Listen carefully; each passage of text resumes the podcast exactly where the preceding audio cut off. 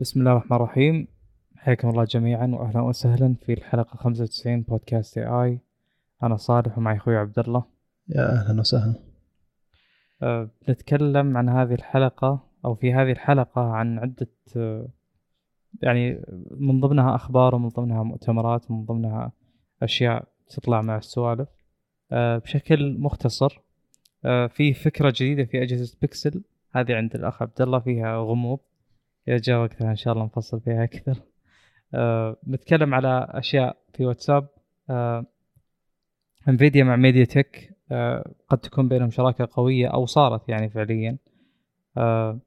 نتكلم على يعني بشكل عام سوق المعالجات في الهواتف من عدة من أكثر من ناحية. من ضمنها مثلا اللي يصير بالمصنعين الأساسيين بمعالجات الهواتف من ناحية تغير أسعار مع الوقت وكيف يعني أصلا فلسفة زيادة الأسعار؟ بمعنى إنه لو كان لو كانت شركة معينة هي المصنع الأساسي في معالجات معينة وكل السوق يعتبر عميل لها ممكن مع ارتفاع الأسعار والحفاظ على العملاء في لحظة معينة يعني تقرر إحدى الشركات أو تقرر مجموعة من الشركات إنها تمشي في خط مستقل وما تمشي مع الشركة المعينة هذه. هذا بنتكلم عنه من أكثر من ناحية. والبكسل في أمور أخرى بنتكلم عنها يعني عنها فيه أيضا. نتكلم على تقريبا تكلفة تقديرية للأجهزة الرائدة بالسوق مجملا أبرزها S23 Ultra. هذا التساؤل طبعا يتساءله الكثيرين بس صعب الجزم والحسم فيه يعني في أمور كثيرة صعب حسابها. مستقبل آرم عموما بالذات على الأجهزة في, في الهواتف وش ممكن تركز عليه مستقبلا. آه وبنتكلم على آه اللي صار أو يصير حاليا. إحنا نسجل الحلقة الآن أثناء مؤتمر آه ابل آه في أخبار قد تكون جيدة وفي شيء فعليا منتظر من وقت طويل اللي هو آه تحديث المعالجات على جميع الأجهزة. أعتقد انه في الوضع الحالي آه الكل كل ابل انتقلت إلى معالجات ARM الجديدة اللي Apple Silicon خلينا نقول. جميل. طيب نبدأ بالفكرة الجديدة اللي صارت بال software البكسل وصراحة من الافكار الجميله اللي شفتها مؤخرا. الحين أغلب الناس طاحت في إنها لما الناس تشتري سيارة جديدة تشتري معها داش كام أو الشخص اللي ما عنده ثقة بسواقته هو أو يبي يشوف سواقة السواق أو يعني متابعة إذا كان بيكون في مشكلة يعني.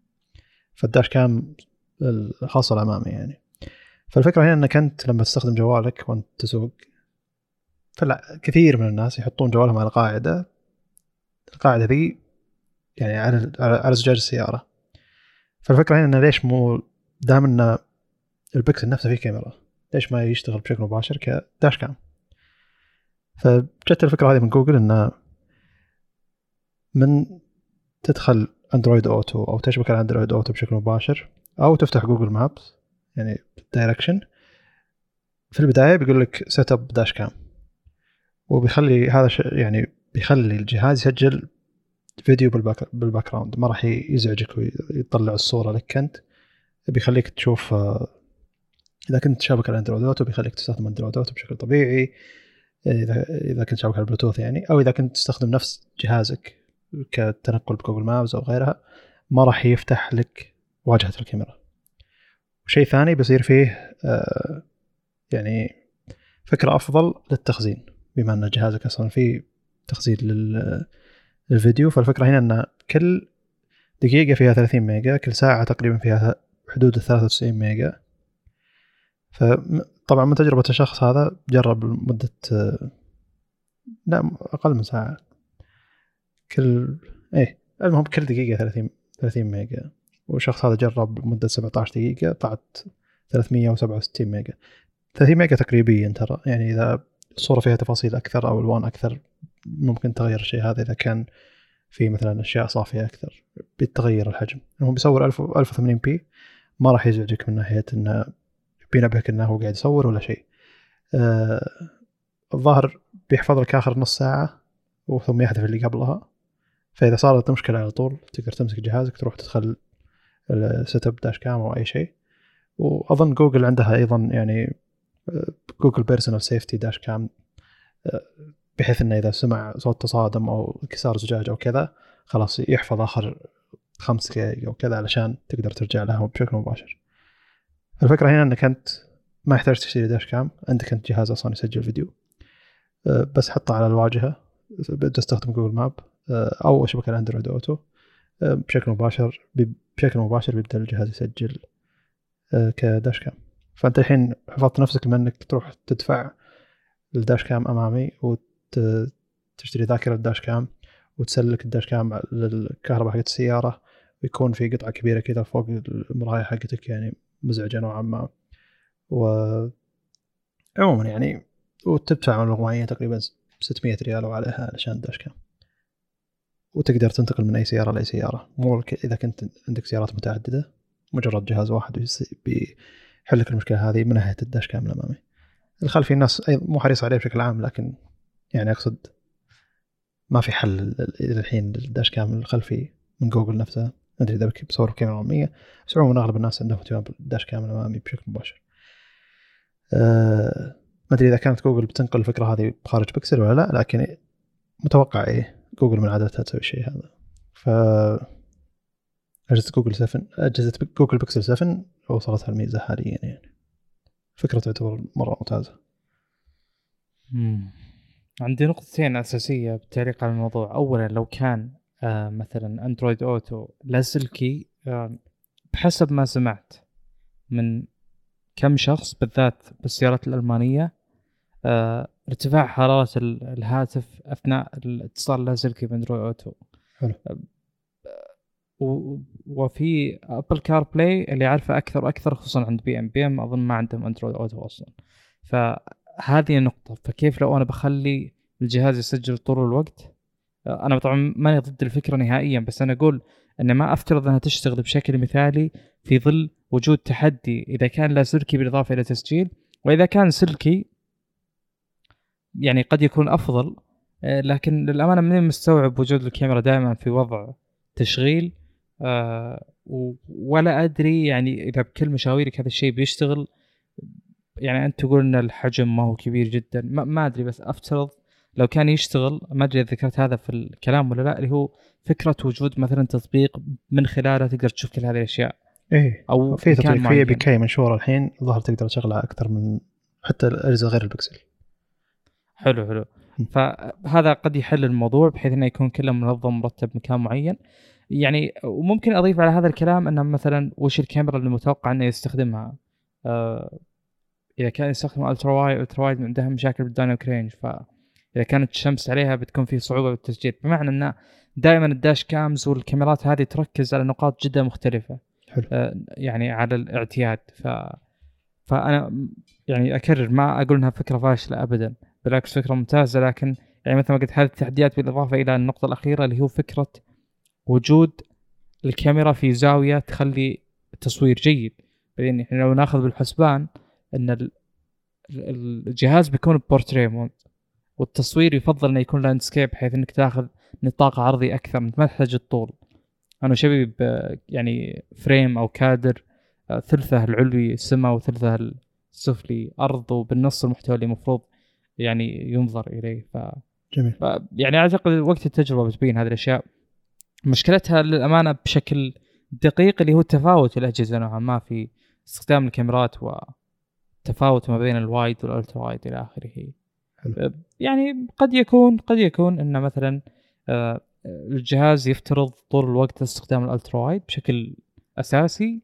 ويكون في اقتصاص وتعديل آه، بناء على ال frame. زي يسمونه stage أظن أو شيء من هذا القبيل. stage view ما أدري شيء من هذا القبيل. أو stage mode اللي اللي بال iPad مثلا وبعض الأجهزة تشغل الكاميرا الاماميه وهو يتبع مكانك يعني. حلو. فأنا أفترض إنه ممكن الكاميرا ultra wide يعني تتعرف على المكان. هذا شيء جدا معروف في جوجل بشكل عام اعتماد على الذكاء الاصطناعي في ذي الأمور. فيعني آه، هذه التحديات لابد من آه، تجاوزها. الفكرة الثانية هنا إنه مو بس إذا عندك Android Auto تقدر حتى إذا عندك مثلا بس بلوتوث بالسيارة تقدر تقول لل هذا Google Personal Safety طبعا في خيارات عدة برنامج اسمه Google Personal Safety إذا دخلت عليه بيخليك تحط ال emergency contact حقتك كل الاشياء هذه و safety check عليك أنت إذا كان مثلا لابس ساعة ساعة جوجل أو من الأشياء هذه. يعني يعني Personal Safety منها حاطين الحين dash cam تعتبر إضافة جديدة. فالفكرة هنا إنها تقدر تخليه يشتغل بأكثر من وضع. تقدر تخليه يشتغل إذا شبكت على Android Auto إذا شبكت على آه، جهاز بلوتوث معين.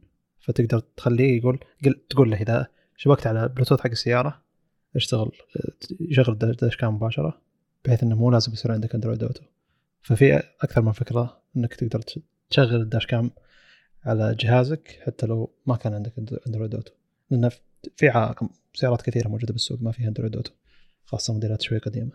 فإذا في بلوتوث أتوقع إنه أفضل حتى للجهاز يعني ما راح يسبب فيه حرارة عالية. أتوقع ان إن الجهاز قاعد يسجل من الكاميرا وشغل بلوتوث مشبوك wireless على Android Auto فعليا بيكون متعب للجهاز بشكل كبير خاصة طيب. صرف الطاقة والحرارة. جميل. اعتذار شديد للمقاطعة. حلو. آه يعني الآن في شيء موجود حاليا وفعليا موجود في أغلب السيارات. أتساءل يعني ليه ما يستغل؟ مثلا آه قبل فترة معينة كان أحد الزملاء يبي يجرب سيارة معينة. آه المهم رحنا نجرب هذه السيارة. وكان من ضمن الميزات اللي قالها مسؤول تجربة القيادة أو التسويق أو أيا كان أن ترى الداش كام بلتن أو شيء من هذا القبيل حلو. وأنه بس تحط ذاكرة شيء زي كذا يعني. فالسيارة هذه آه شانغان سيارة شانغان الظاهر كلها كذا اليوني سمثينج تي في كي آه المهم أن تذكرت أن في سيارة ثانية فيها هذه الميزة اللي هي كاديلاك سي سي 6 آه لأني كنت أفكر أشتريها من زمان ف فكنت باحث فيها بشكل كبير. ففعليا تشغل كل الكاميرات المحيطية اللي هي أربع كاميرات آه، قابله للاستخدام فقط. وتسوي هنا ك dash cam. رغم إن دقة الكاميرات ما هي بعالية يعني تعتبر. حلو؟ حلو. طيب هذه الأشياء موجودة. دام Android Auto موجود ليش ما فيه آه، يعني integration بطريقة معينة يخلي يعني أنا أدري إن البلشة بتكون في التخزين بالنسبة للسيارة هذا تحدي السيارة نفسها.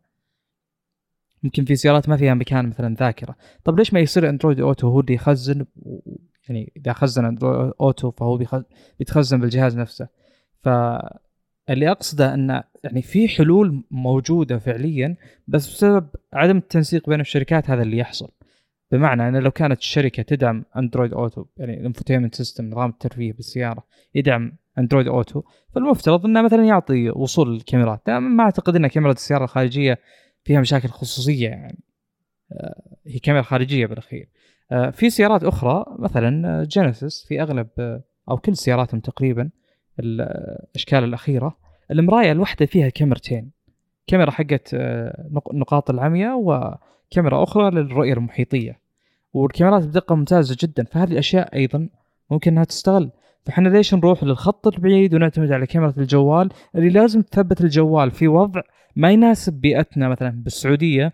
لأن هذا المكان ما أدري أنا أخاف تجيني مخالفة عليه مستحيل أثبت الجوال بهذا المكان. وأيضا أنا ما بالجوال وأنا أمشي في في الظهر يعني تحديدا الشمس على الجوال مباشرة. ف يعني أعتقد إن يعني أهملنا يا يا الشركة اللي سوت هذا الشيء يا بيكسل خط أسهل أعتقد ولو انه قد يكون توجههم بهذه الطريقة انه مثلا عندهم ميزانية لل R&D ف ولا يبون شيء فيه اعتمادية dependencies عالية إن نعتمد على third party اللي هي الشركات هذه إنهم يعطونا وصول الكاميرات بحيث ان نشغل. طب نرجع نرجع يعني نرجع خطوة، طيب الحين ال ال الشركات مؤخرا مثل GM آه عندها Google Automotive هذا أو Android Automotive نظام الترفيهي كامل أصلا مبني على Linux مبني على Android ف وفيه يعني Google Maps built-in في Google Assistant إلى آخره. طيب هذا النظام عنده وصول الكاميرات ليش ما أقدر أستخدمه أيضا بالتسجيل؟ ولو إن GM أصلا already يعني عندها قدرة على أو موفر إمكانية التسجيل. أنا مثلا عندي بال Camaro فيه option يجي على يجي س- نسيت والله. يجي option على ال ZL1 ويجي على ال Corvette اللي هو PDR performance data recorder هذا له وضعيتين. الوضعية الأولى إنك تستخدمه مثلا آه إنه يكون فعليا performance data recorder يعني ثلاث حلبة ولا ربع ميل. آه يطلع لك كل البيانات على التسجيل. في كذا overlay على الشاشة. فيه يعني ال RPM السرعة التسارع من صفر ل 100 إلى آخره.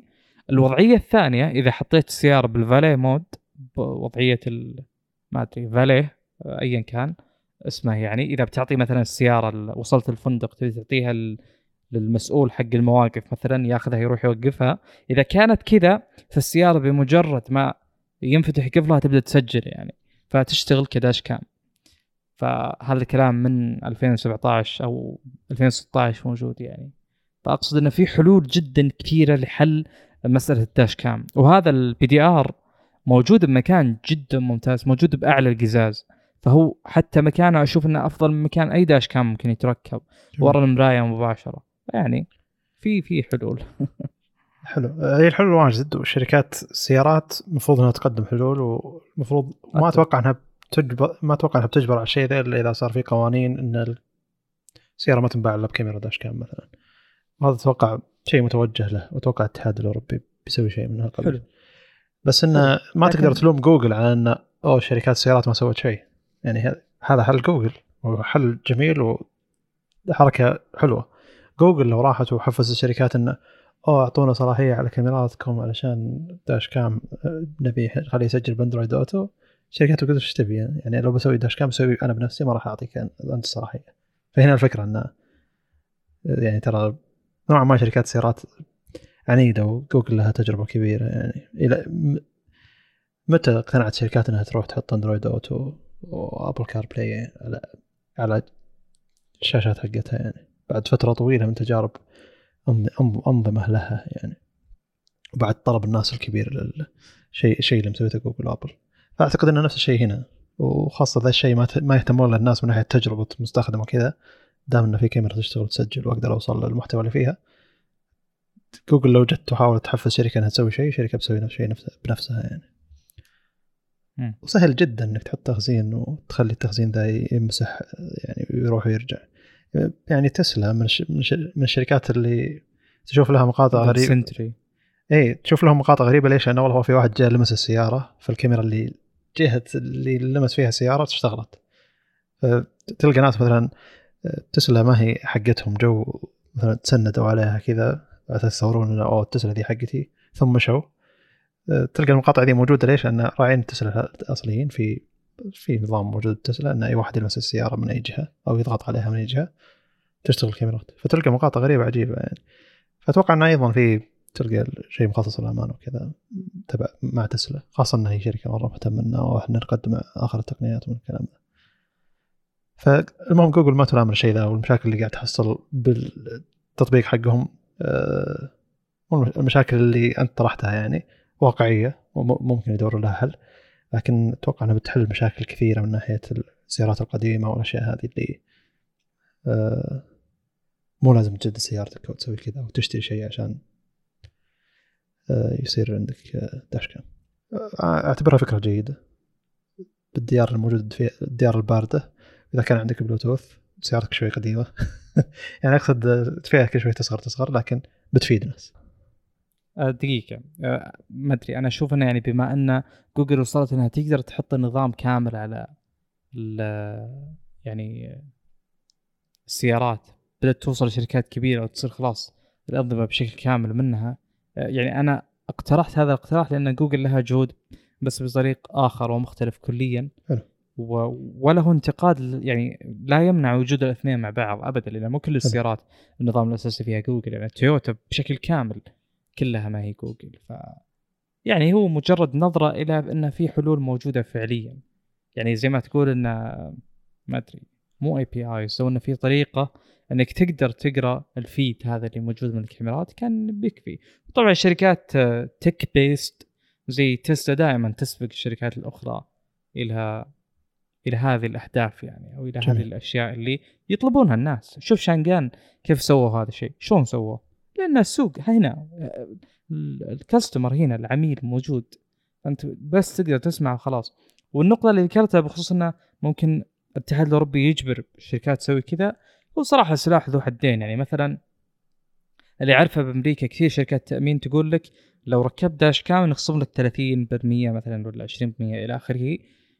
لكن ممكن سلوكيا يعني في واحد حلل يتكلم عن هذا الموضوع ممكن بعد فترة آه يجون يعني الشركات التأمين يقولون لا يا حبيبي إلزامي إنك آه، تحط ال dash cam وأنت اللي حطيت نفسك في هذا الموقف. آه، ويصير ما عليها خصم طبعا ولا شيء في وقتها. ففي في نواحي كثيرة ينظر لها من الموضوع هذا. جميل.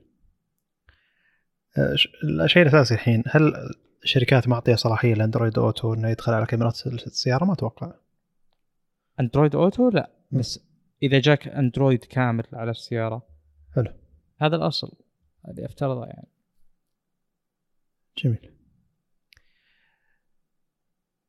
طيب أه واتساب واتساب قاعد يتحدث تحديثات جميلة صراحة وقاعد يحاولون يحلون مشاكل كثيرة فيه. لكن أه واحد من المطورين قبل فترة لاحظ في تصرف غريب من واتساب إنه يفتح الكاميرا يفتح المايك كل ثلاث دقائق مدة مدة معينة وي- ويطلع. والغريب إن هذا والجهاز نايم وانه ما راح تلاحظ يعني الشيء هذا إنه طلب طلب دخول على المايك. الجهاز في وضع السكون يعني أقصد. ال- الشيء الغريب إنه ما أدري هو دخل على ال registry حق حقت المايك وقاعد يشوف وش التطبيقات اللي قاعد تاخذ صلاحية. اكتشف انه في تطبيقات قاعد تاخذها بشكل مريب منها واتساب. فطلعت مشكلة بالخصوصية. أكبر انه آه، إذا عندك واتساب قفل عليه صلاحية المايك إلا إذا جيت تبي تسجل صوت له. طبعا هذا المفروض اساسيا لكل التطبيقات. يعني في في في الأندرويد تقدر تخليه مسموح له بس ذي المرة بس ذي المرة. صحيح إنه نوعا ما متعب لكن أكثر أمان بشكل كبير. والحين مع أندرويد 13 يعني أتوقع كل الشركات كل الشركات إذا سحبت الشريط العلوي حقك وبعدين رحت ل في إعدادات سريعة. من ضمن الاعدادات السريعه بتقدر تضيف آه، ميكروفون access وكاميرا access. هذا موجود على البكسل وكل أجهزة Android من دون أي يعني أي شيء ثاني. فالأصل انه طبعا هذا التحكم من النظام نفسه. يمنع أي يمنع تشغيل الكاميرا والمايك نهائيا. لو تدخل على تطبيق الكاميرا حق النظام نفسه بيقول لك ترى ترى أنت مقفل صلاحية على الدخول على الكاميرا. لو يدق عليك واحد وترد بيقول لك ترى أنت مطفي صلاحية على المايك. فيطفي صلاحية على الميكروفون والكاميرا بشكل واقعي على كل التطبيقات ايا كانت قوة التطبيق هذا وبيعطيك تنبيه قبل أي استخدام عشان تروح تفتحه. زي ال location بالضبط يعني. فأنا الحين حاط هذه أشياء أساسية اللي آه أنا ماني محتاج المايك الحين ماني محتاج الكاميرا مقفلها على طول. إذا دخلت أي مكان إذا دخلت أي تطبيق أو مكان يحتاج صلاحية على المايك يحتاج صلاحية على الكاميرا هو بيعطيني التنبيه يقول لي فعل أفعل وأرجع أقفل. زي ال location بالضبط. أنا ما أشغل ال location إذا جيت بنتقل من مكان لمكان ب Google Maps أو غيرها. ليش 24 ساعة الجهاز يقدر يعرف ال location حقي؟ ليش كل التطبيقات إذا طلبت ال location بتلقاه موجود؟ فالفكرة هنا إن شخصيا متوقع إن تطبيقات مثل واتساب وغيرها يفتح الميكروفون كل فترة يفتح location كل فترة يتأكد أنت وينك موجود فيه. آه، تطبيقات البنوك بالذات بس تطبيقات البنوك أساس علشان الأمان يعني. إذا لاحظوا بشكل مفاجئ والله فتح فتح انفتح حسابك أو تطبيق البنك حقك من ديرة ثانية وأنت موجود قبل ثواني أو دقائق من ديرة ذي يعني يصير فيه آه، يعتبر تصرف مريب ويحاولون يقفلون على حسابك إنه ما يدخله الشخص الموجود بمكان ثاني أو مكان بعيد عن المكان اللي أنت فيه. فهي قد يكون في احتياج فعلا إنك أنت موجود بالديرة الفلانية أنت آه، عشان تدخل. فهنا نوعا ما مقبول لكن تطبيقات ثانية اللي ما لها أي صلاحية أو ما لها أي فائدة لي أنا عشان هي تدخل على الموقع حقي أو المايك أو الكاميرا آه، طفي الصلاحية ذي عليهم. الغريب إنه يعني إذا أشتغل مايك أو هذا أذكر الآيفون وحتى أندرويد تطلع يعني زي اللي في أعلى الشاشة تطلع نقطة خضراء ونقطة زرقاء وبيقول لك إنه ترى المايك شغال. أظن الكاميرا بس مو الميكروفون لكن المقصد إنه هذا شيء متوقع ومو مستغرب جدا ابدا من فيسبوك. فالأصل إنك أنت تتعامل بالحذر قبل لا تجيك الأخبار ذي إنه ترى قاعد تسجل الأشياء ذي.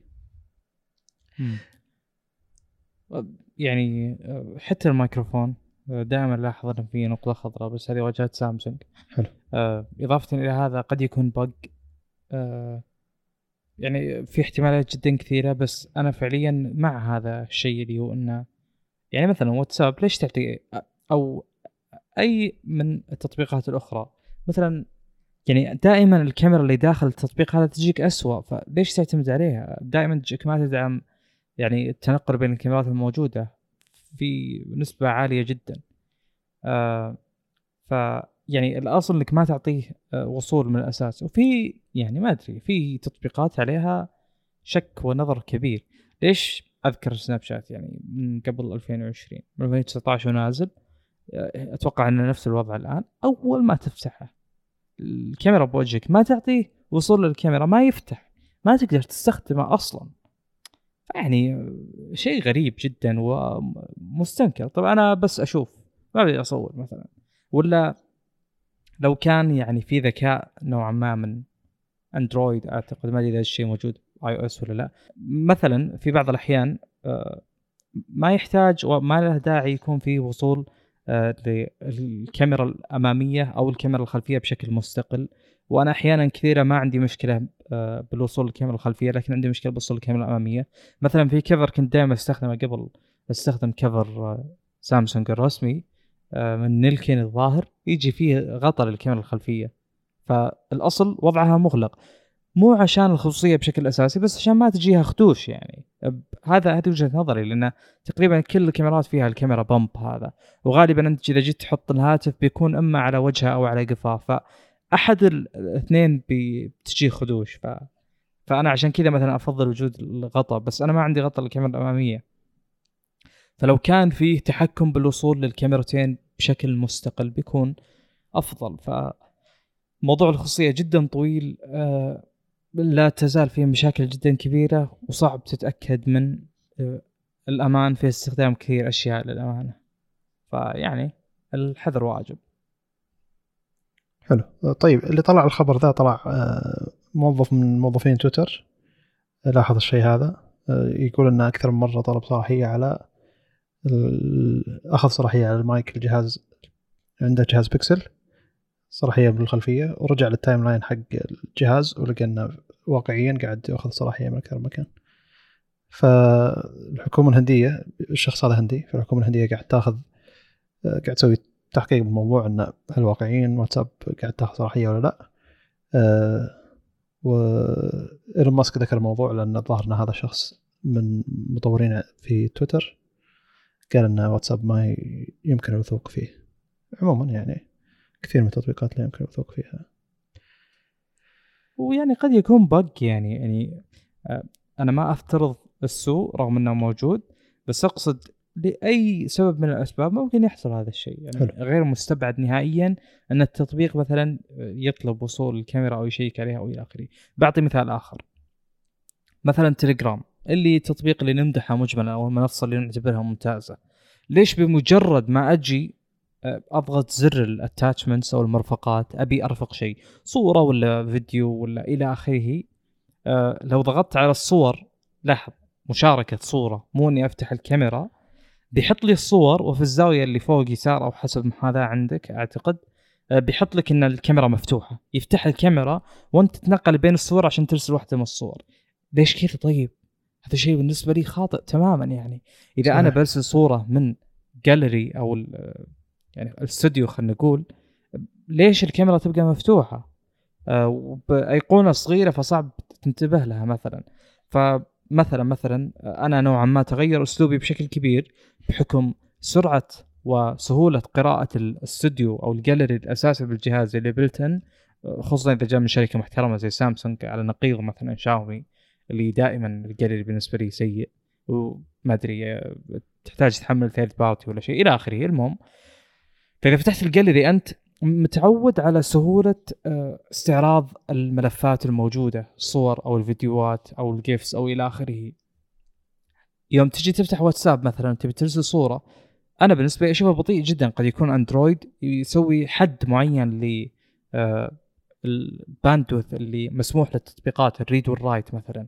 وبنفس الموضوع يوم تجي لل... تدخل على الاستوديو أنت متعود على طريقة استعراض لل تقسيمات خلينا نقول ال- الصور والملفات. مثلا إذا دخلت على واتساب واتساب يقدر يقرأ ان يعني مثلا آه، إن المحادثة الفلانية هذه الصور اللي فيها. بينما الجاليري ما يقرأ. اي أي صورة أو فيديو تحت واتساب خلاص. أنا أعتقد إن طريقة واتساب انها بال metadata حق الصورة خلاص يقول إن هذه الصورة جاية من ال group الفلاني أو الشخص الفلاني. فأنت ما راح تقدر توصل للشيء اللي تبيه بالسرعة اللي تقدر توصلها بالجاليري اللي هو يعتبر منصة واحدة لجميع الأشياء. فالمهم هذه النصيحة يعني ملخص الكلام. أه، إنك تعتمد على إرسال صور أو ملفات من داخل جهازك وتضغط زر المشاركة وتشاركها أفضل من إنك تدخل على المنصة نفسها وتدور طريقة استعراض التطبيق هذا للشيء اللي أنت تبي ترسله. هذا وجهه نظري طبعا. جميل. آه، أذكر بدايات الآيفون بدايات iOS وأندرويد يعني. بدايات بدايات 2010 11 كان أحد مزايا أندرويد إنه اوه في زر share ين- ينقلك من مكان إلى مكان كل شوي إذا تبي تنقل شيء معين إلى أي تطبيق معين. فكنت تفتح الصورة من الجاليري تسوي share إلى مثلا Snapseed عشان تعدل على الصورة شوي ثم Snapseed تسوي share على المكان اللي أنت تحتاجه إنستغرام ولا غيرها. فهذه الطريقة أفضل من إنك تدخل على الانستغرام وتعطي صلاحية إنه يدخل على الملفات وبعدين ولا تدخل على الواتساب تعطي صلاحية إنه يدخل على الملفات وكذا خلك أنت من تطبيق الملفات والجاليري حقك الأساسي تسوي شير إلى المكان اللي أنت تحتاجه. أفضل بكثير أسهل بكثير خاصة أنت متعود على ترتيب الملفات حقتك ترتيب الصور حقتك وغيرها. ف فكرة جيدة مع مع إني مطبقها بدون أدري لكن هذا الأساس. آه، إنك تدخل تعطي صلاحية بالعكس هذا شيء نوعا ما مزعج. ترتيب الصور صحيح يعني نوعا ما هاسة آه، جميل. شراكة بين ميديا تك وانفيديا الشراكة ذي أظنها بتصير أكبر وأكبر يعني ما هي بس شراكة بسيطة زي آه، يعني مو بس MediaTek تبي من Nvidia إنها تدخل تسوي GPUs يعني تبي تبي تسوي ال GPU المعالجات حقتها أو سي أيضا في شراكة ثانية بيدخلون بسالفة ال شيء له علاقة بالسيارات يعني مو بس الجوالات فالفكرة هنا إن Nvidia ناوية تسوي شيء له علاقة بالاكس اي اي بتدخل فيه كل شيء من ناحية الكونكتيفيتي و... المهم إنه- يعني المقال ما ما شرح شيء واضح لكن الكلام إنه انفيديا وميديا تك شراكتهم ترتفع أكثر عن إن الخبر حقنا أساسا إن ميديا تك قد تكون معالجاتها الجاية بدل ما ياخذون جي بي يو من آه، Qualcomm بياخذون ال GPU من Nvidia بشكل مباشر. Nvidia متحمسه للخطوة هذه. وأيضا في شراكة ثانية أن MediaTek نفسها بتصنع ال CPU للنظام اللي بتسويه Nvidia للسيارات. فال CPU يعني الوضع محيوس شوي. المهم أن الشراكة ذي مرة كبيرة. وأتوقع انه من أحد أكبر شركتين موجودين في عالم ال GPU وال CPU. آه، طبعا ال CPU بمعماري- بمعمارية ARM وال GPU لكل مكان. آه، Nvidia حرفيا بكل مكان يعني. Nvidia ترى صارت من. من الخمس شركات الكبرى. Netflix طلعت برا الخمس شركات الكبرى العالمية. فزي اللي استبدلوا حرف ال N بال N نفسه. ف Nvidia الحين من أكبر شركات الخمس الك... تدخل ضمن الشركات الخمس الكبرى. Facebook Google Nvidia نسيت والله وش بعد. Google Apple. آه فالفكرة هنا إن أنا متحمس من الناحية الثانية إن إحنا طول عمرنا نقول إنه أوه MediaTek ال GPU فيها ضعيف أو MediaTek ال GPU فيها ضعيف. آه فبشوف وش Nvidia تقدر تسوي.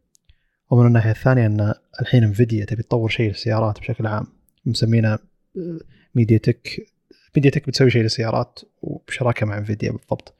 أنا ما أدري من العنصر الأكبر فيهم يعني. لكن المعالج الموجود بيصير اسمه MediaTek Dimensity Auto اللي هو flag flagship automotive platform مسمينه.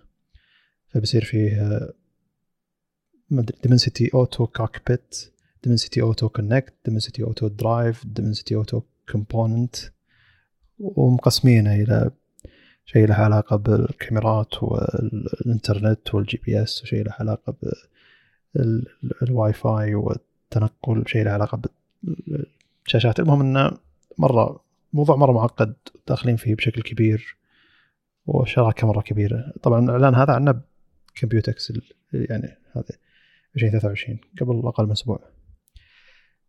العجيب إن كل الأخبار اللي تدور إن Nvidia تبي تسوي CPU خاص فيها وقاعد تشوق له من فترة طويلة و MediaTek عندها CPU بعالم Arm مخلصه منها فتبي تخلي ال GPU أكبر وأقوى. ما أدري شركتين ذي شراكتهم يعني كمية شراكاتهم بين بعض الحين تحس إنهم شركة واحدة إلا شوي. آه، لكن أنا متحمس إنه وش تقدر تقدر Nvidia تسوي. Nvidia شركة مخيفة وكمية الفلوس الحين اللي عندها مو طبيعية و... يعني رغم ان محاولة استحواذها على Arm فشلت الا ان ما تزال الشركة تبي تدخل بكل مجال تقدر عليه. إذا Nvidia قدرت تسوي CPU وش ال CPU ذا بيكون يعني؟ اذا إذا الشركة الأم والكبرى في مجال ال GPU بالعالم واللي هي اللي ابتكرت نوعا ما يعني قوة قوة ال GPU القصوى يعني. لو لو كنت متابع قوة ال GPUs من عام 2006 إلى 2011 بتلاحظ وش سوت Nvidia بالسوق ذاك الوقت. شخصيا أدرس الشيء ذا الحين آه، بالبرمجة المتوازية. طبعا ندرس ندرس اللي سوته Nvidia حرفيا يعني. ندرس ال documentary اللي صار الشيء صار ذاك الوقت 2007 8 9 10 فتدرك وش الشركة ذي سوت بالسوق؟ وش وش, وش البراءة اختراع الموجودة عندها؟ وش اللي وش اللي هي قادره شلون قدرت تكبر للدرجة هذه؟ التطور المخيف حقها. يعني أنا أعتقد إن تطور Nvidia خلال آخر 15 سنة يعني مذهل ويفوق شركات ثانية كبيرة جدا موجودة بالسوق من من شيء أكبر. ولو التطور ذا صار عالم ال CPU كان عالم ال CPU صار الحين أسرع بكثير. لكن ال GPU تسريعه نوعا ما أسهل يعني. حلو. أول شيء أنا شطحت شوي بالموضوع ف... لا لا مو مشكلة أبد. أخذها نقطة نقطة بحسب ما ذكرت. أنا تذكرت يوم تكلمت على إن مثلا ال GPU في MediaTek سيء أو إنه ما هو بمنافسة Adreno. آه Mali GPUs آه stock Arm GPUs. آه وتأكدت طبعا الآن من هذا الشيء. هذا اللي أذكره. فهم يستخدمون ابد الشيء الموجود من Arm نفسه ال recommendation إلى آخره. آه ما في أي تغيير. آه هم فقط المصنعين له. ف وش ممكن يغيرون؟ آه قد يأتي حل جذري بس بنفس الوقت Nvidia آه إلى الآن يعني ما شفنا من هذيك النتائج. وطبعا أكيد إنها جاية بالطريق. نتائج آه أدائها في آه يعني آه معمارية Arm خلينا نقول. ف دائما إذا قلت Arm أقول خلينا نقول لأنه ما أدري أقول Arm ولا Arm ولا ARM فعاد شكله يبينا نلقى اختصار أفضل يعني. آه، لأنه صعب تقول Arm arm يعني ذراع و... وهي عبارة عن ثلاث حروف capital acronym شيء معين اختصار شيء معين. المهم آه ما أدري ما أذكر تحديدا وش النقاط اللي ذكرتها لكن آه يعني هل تطور ال GPU شيء أساسي ومهم جدا؟ قد يكون هذا الكلام صحيح لأن آه خلينا نقول يعني وجود أجهزة ب resolution عالي معالجات MediaTek أفترض وأشوف أنه قليل. ممكن يجي جهاز قريب جدا من إنه يكون flagship أو إنه flagship لكن آه بدون resolution عالي للشاشة وتمبت والى آخره من ذي الأشياء يعني. ف يعني فعلا قد يكون شيء مشوق. آه، شراكتهم حلوة آه، بالاستغناء عن Qualcomm آه، يعني صراحة الواحد يفترض العكس بحكم إن كلهم شركات يعني خلينا نقول أمريكية نوعا ما. لكن في ظل وجود شراكة من شركة أمريكية Qualcomm مع MediaTek أشوفها شيء Nvidia ممتاز وأعتقد معلش أنا إيش قلت؟ Qualcomm أي آه Nvidia مع MediaTek بيكون شيء ممتاز. والسبب الأساسي اللي يبدو إنه بسبب إنه سيطرة مطلقة ل Qualcomm على السوق هذا من ناحية أداء طبعا. ما أتكلم من ناحية مبيعات لأن الواضح إن مبيعات أكيد MediaTek أكبر بكثير بحكم اختلاف التطبيقات. لكن من يقول إن الهوامش أو ال margins الربحية عند MediaTek بنفس اللي موجود عند Qualcomm. دائما الشركات الشركات الأمريكية ال margins عندها أعلى بشكل كبير جدا لأن البيع على الفكرة مو البيع على ال hardware بعكس الفكر الصيني المعتاد والمعروف جدا.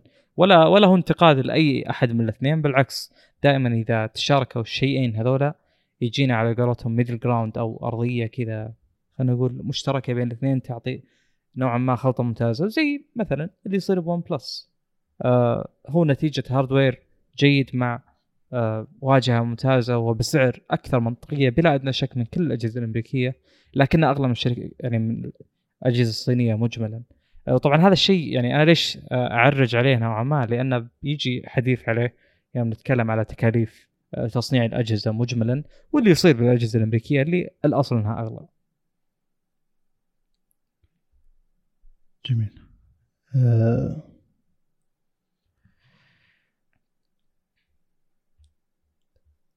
ندخل الموضوع اللي بعده اللي هو حول نفس المعالجات يعني إن OPPO تلغي فكرة صناعتها المعالج الخاص. طبعا إحنا تكلمنا تقريبا بداية 2022 إن OPPO سوت المعالج معالجة الصور حقها اللي هو اسمه MariSilicon X. كان موجود على Reno 8 Pro. قد تكلمت عنه إنه يعني خلطة حلوة ان المعالج الأساسي من MediaTek ومعالجة الصور من OPPO نفسها صراحة الصور كانت مرة ممتازة. وأي جهاز من OPPO في ال MariSilicon X كمعالج صور بيعطيك أداء ممتاز لأن معالج الصور مرة ممتاز أحسن حتى من معالج الصور من Qualcomm يعني. طبعا هي الطبقة اللي اللي قبل معالجة الشركة نفسها للصور. فتخيل إن الشركة نفسها سوت ال... المعالج الصور الأساسي عشان تعالج الصور بالطريقة اللي هي تبيها. الفكرة هنا انه لو أنت أخذت معالج الصور يعني لو أنت أخذت معالج صور من كوالكم نفسها ثم انت عدلت على الصورة اللي قاعد تاخذها كوالكم فأنت يعني قاعد تحوس على الصورة بزيادة ممكن تأثر عليها أكثر. أقل تعديل على الصور هو هو بشكل هو اللي يعطي الصورة أفضلية. أقل تعديل على الصور كطبقات يعني. فنقول إن كوالكم طلعت صورة معينة من معالجها معالجة الصور وأنت عدلت على الصورة هذه. بينما أوبو لا هي مسوية المعالج الصور حقها الخاص فيها. فتقريبا بشكل مباشر قاعد تطلع بالصورة اللي هي تبيها إن معالج الصور الفيزيائي الحقيقي الموجود قاعد يعالج بالأسلوب اللي OPPO هي تبيه. أسرع أسرع من ناحية إنك تستخرج الصور وأفضل من ناحية إنك ما قاعد تعدل على الصورة إلى الدرجة اللي تحتاجها. طبعا غير سالفة إنه إذا دخل فيها ال AI وتعرف على الصورة هذه وش هي عشان أعدلها بأسلوب معين. لكن إذا طفيت ال AI وقاعد تاخذ الصورة بشكل مباشر بس اللي معالج الصورة بشكل مباشر قاعد يشتغل بشكل مباشر من ال hardware اللي هو ال MariSilicon. فذاك الوقت تكلمنا إنه أوه وأيضا OPPO قاعد تفكر قاعد تحاول تكلم TSMC عشان تسوي SoC كامل لها هي نفسها.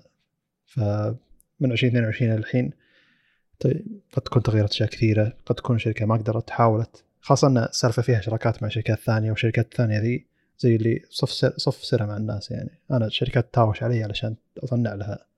من متى أنت بتجي كم تبي تدفع؟ كم تبي الكمية؟ هل معالجك بيصنع بشكل صحيح؟ هل معالجك مدروس بشكل صحيح ولا لا؟ هذه الفكرة.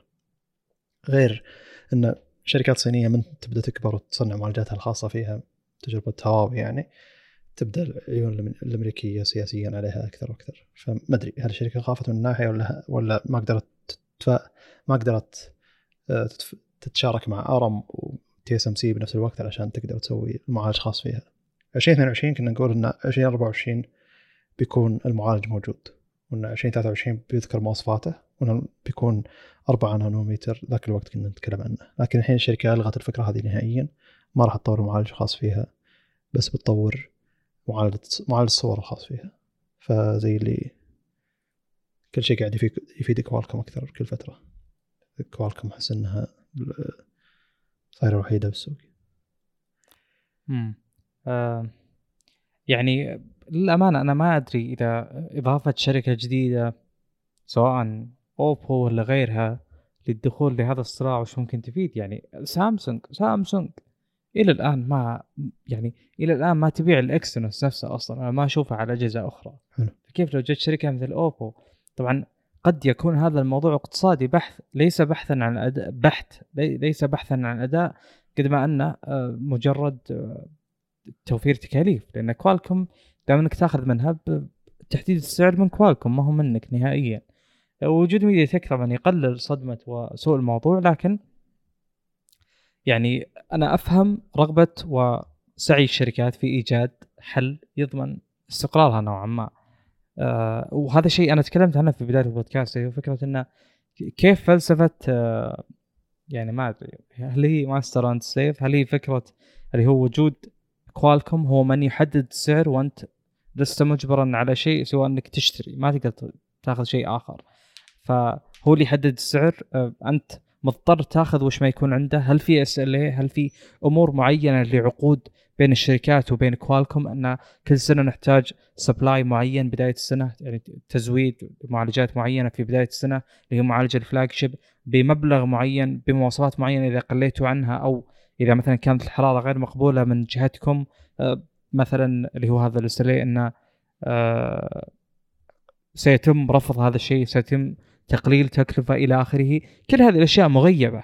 إذا كانت كوالكم تجي بداية السنة تحط المعالجات بسم الله يا شباب هذا المعالج وهذا سعره وهذا أداءه ومالك غيره هذه مشكلة كبيرة صراحة جدا كبيرة بالنسبة للشركات الباقية اللي أبسط حقوقها أنها تقرر. لأن العميل الوحيد كوالكم بهذه المعالجات أنا أشوف الشركات هذه اللي تبيع الهواتف في أندرويد. ما عندك عملاء آخرين ب embedded systems بأنظمة تشغيل سيارات وإلى آخره بحسب اللي أشوفه طبعا. فأنا أعتقد أن جدا غريب اللي يحدث في هذا السوق ومنطقي جدا سعي الشركات في أنها تلقى حل آخر. لكن من غير المنطق أن تجي شركة زي OPPO اللي غير متخصصة في المعالجات وتقول أنا بصنع معالجات. من المنطق تجيك شركة زي Nvidia وتجي تنافس Qualcomm وتصير منافسه بين الاثنين زي Intel و AMD خلاص كل واحد ياخذ اللي يناسبه. يعني في وجود المنافسة كل شيء بيصير منطقي. الأداء بيتغير مع تنافسيه الأسعار. لكن في الوقت الحالي طالما إن MediaTek خلينا نقول خلينا نقول إن Qualcomm مسيطر على تسعة من عشرة وعشرة من عشرة معالجات أعلى شيء يعني ميديا آه، تك مسيطر على كل شيء تحته من واحد إلى ثمانية. بس إنه إذا أنت تبي تسعة أو تبي عشرة ما راح تحصل له عند كوالكم فتحدي ما أدري من المفترض يحله يعني غير مثلا شركة كبيرة زي انفيديا أو إن أنت تشوف فرصة بالسوق يعني وتدخله لأن سوق الهواتف وتغييرها أكثر بكثير من تغيير اللابتوبات خلينا نقول أو الكمبيوترات مجملا.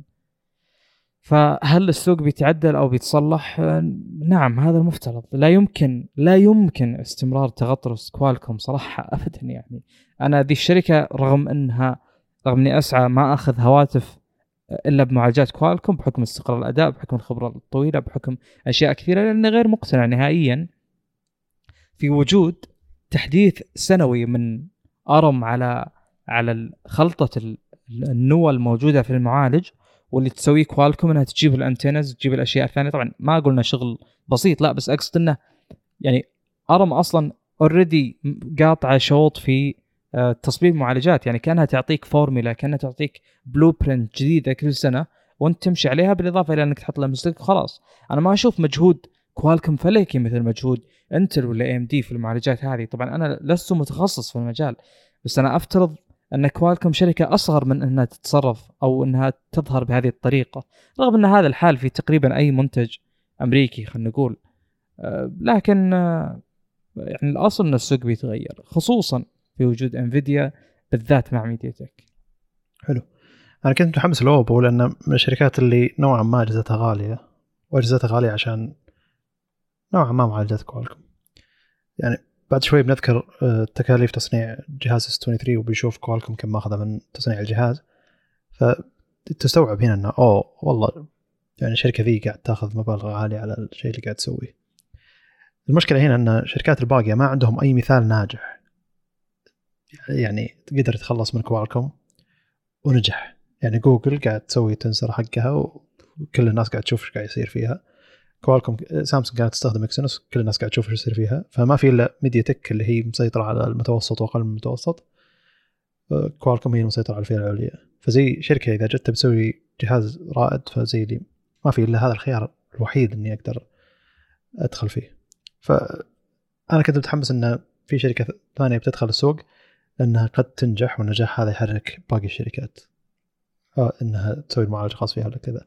جوجل تحركت عشان أبل عندها المعالجات الخاصة فيها فهذا الحافز الأول. والشيء الثاني انه تبي تسوي معالج مخصص لبعض التقنيات الموجودة عندها رغم إن هذه التقنيات تنتقل إلى الويب أو cloud server يعني. يعني بعض التقنيات اللي يقولون أو إخفاء الأشياء الموجودة بالصورة ما أدري كيف تجيها بعد فترة تلقاها ب Google Photos اساسيا حتى أصلا المعالجة ما تصير بجهازك جوالك تصير عندهم بشكل مباشر. على ال cloud يعني. فزي اللي وش فائده من معالجك الحين إذا كل شيء قاعد يصير على ال cloud فالفكرة هنا إن أنا كان في حماس ذاك الوقت إنه أوه يلا عطني شركة كبيرة كذا تقدر تسوي شيء أكبر عشان نقدر نشوف منافسة أقوى. مع إن كوالكوم قاعد يعني آخر سنتين كوالكوم قاعد تصعد بشكل ممتاز رغم عدم وجود ذيك المنافسة الكبيرة. الحين طبعا ارتفعت حتى قاعد تنافس بالسوق الأجهزة المتوسطة علشان ال 7 plus gen 2 أو 7 gen 2 إيه. gen حلو. إيه حلو. المهم إن المعالج موجود على ال Poco 5 هذا قاعد يعني يعتبر مرة قوي بالفئة المتوسطة. فالحين قاعد تدخل على على المجال حق ميديا تك اللي هو الفئة المتوسطة والأقل المتوسطة. ف زي اللي لو استمرت على التطور إلى هذا المجال على, على هذا الرتم وش بيصير؟ هل ميديا تك بتفقد أكثر من من حصتها السوقية حتى الأجهزة المتوسطة والرخيصة؟ ف زي صراع بين بس شركتين ما هو كافي. زي اللي صار بين AMD وإنتل. نفس الفكرة بين اي ام دي وانفيديا اي ام دي تنجلد من الجهتين مرة وترجع تنجلد من الجهتين وترجع يعني. أحد أحس موظفي الشركة ذي عندهم عدم استقرار نفسي من قوة المنافسة اللي صايرة. بين شركات بين شركات مرة كبيرة مجالها وما دخلت المجال اللي هي فيها. يعني زي اللي ال CPU قاعد ننافس انتل اللي هي أقوى شركة موجودة بالمجال هذا وال GPU قاعد ينافس انفيديا اللي هي أقوى شركة بالمجال هذا والشركتين انفيديا انتل كل واحد متخصص بمجاله ما قاعد يحاول ينافس بالجهه الثانية رغم ان الحين انتل سوت GPU خاص فيها انفيديا قاعد تسوي CPU خاص فيها وقاعد تقدر تشوف له تقارير حتى Linus أظن تكلم عنها قبل أقل من أسبوع. ف زي اللي هل بيصير بعالم CPU حق ارم نفس الفكرة؟ حق المعمارية ارم يعني. آه طبعا تكلمنا قبل فترة أو حلقة قبل حلقة حلقتين إن أنتل لها نيه تدخل السوق فهذا جزء حماسي آخر إن نشوف أنتل وش تقدر تسوي مع المعمارية هذه. هل ويندوز بتدخل أكثر ولا لا؟ مايكروسوفت. يلا نحتاج بس مايكروسوفت تدخل أكثر وأكثر. يصير النظام يشتغل بشكل أفضل على معماريه ارم يعني هو هذا المتوقع بحكم السوق السوق كبير جدا ف ولا ولا يزال يكبر ف يعني غريب أحيانا بعض استراتيجيات الشركات تهمل هذا الجانب نوعا ما. طبعا أكيد هي قرارات بالأخير فالقرارات ما لك يعني ما تقدر تنتقد قرار شركة كبيرة بحكم إنها الشركة تسعى وراء مصلحتها بناء على بيانات هي تطلع عليها لكنها غير موجودة عندك. فما أفترض صحة قراراتهم بس هو هي مجرد يعني نظرة وتعجب من إن أحيانا بعض الأسواق تهمل ويقل المنافسين فيها رغم إنها في يد أي شخص يعني. جميل. خصوصا يوم نتكلم على مثلا مثلا سياسة أبل مجملا آه يعني في تساؤل أحيانا أتساءله. آه ليش ابل كل اللي تصنعه غالبا آه لل end user للمستخدم النهائي؟ يعني منتج كامل وليس جزء من منتج. آه يعني ليش ابل ما عندها مثلا B2B من ناحية إنها بناء على نجاح Apple Silicon مجملا ليش ما يكون فيه أي خطط ل إنه يباع بالسوق؟ بحكم إن هذا قرار بيقرره أي شخص مالي. لكن يبدو إن هوية ابل والكود حقهم يتعارض مع فعل هذا الشيء. لكن بنفس الوقت من المنطقي إنها تسوي شيء مثل كذا. لكن في أسئلة أخرى من ناحية تكامل الأشياء اللي ممكن يبيعونها مع آه، الأنظمة اللي بتشغل هذا الشيء. ف يعني قد يكون هذا سبب من الأسباب. لكن آه، يعني المقصد إنه هو قرار يمثل الشركة لكنه غير منطقي بالنسبة لي أنا كشخص أشوف المشهد من بعيد يعني. آه، كل الشركات اللي تنتج منتج جيد ومطلوب بالسوق تبيع زي سامسونج. مثلا سامسونج النقيض من ابل طبعا. يعني أي أي معالج تسويه آه، يعني أي نجاح يشكله أي شيء ممكن ينجح آه، يتم بيعه. وإذا ما تم بيعه وعندهم قدرة تصنيعية فهي مستعدة تصنع لشركات أخرى. أي أحد ما دوره بعيد عند مثلا TSMC بيقدر يصنع عند سامسونج. فهو اختلاف يعني تفكير بشكل كبير. ليش سوق ال- الموبايل عموما آه، سوق الهواتف أهمل. آه، صراحة غريب. جميل. طيب. يعني أتوقع نحتاج أن ننظر مثلا مثلا إلى إلى كوالكوم والتاريخ حقها وتأسيسها. آه هذا قد يعطينا انطباع على على سبب سيطرتها المطلقة. أنا أشوف أنها أسست 1985 آه لكن 1985 ما في يعني شركة اتصالات. حلو. connectivity شركة اتصالات؟ okay. آه. هذا يعني مبرر جدا لتفوقهم في ال modems وال antennas وإلى آخره. وهذا شيء كنت الاحظه من قبل أكون مطلع بشكل كبير على الهواتف يعني من أيام آه، ما خاب ظني اس 3 مو اس 3 باكيت اس 3 جالكسي يعني أخاف أحد يلخبط ولا شيء. انسى الجوك هذه. طيب نستمر طيب. الخبر اللي بعده ما أدري خبر سعيد لكل ملاك الستيم ديك لكن مشكلته على فالف نفسها. مرات أنت تحاول تصير الشخص الطيب إلى درجة إنك تخسر جزء من أرباحك. يعني الحين فالف من نزلت ستيم ديك وش سوت؟ خلت إن تصليح الجهاز سهل. تقدر تصلح الشاشة بنفسك تقدر تفك الجهاز وتغير ال joystick بنفسك. يعني كل شيء تغير البطارية بنفسك والقطع تقدر تشتريها مننا بشكل مباشر. هو إحنا قاعد نستخدم مفتوح يعني open source لينكس وله تعديل شوي على الواجهة حقتنا. فجت شركة ما أدري اسم الشركة لكن اسم اسم اسم الشاشة الجديدة اسمها Deck HD Deck HD الفكرة هنا تقريبا نفس الشاشة لكن الدقة بدل ما هي 80 800 أقصد.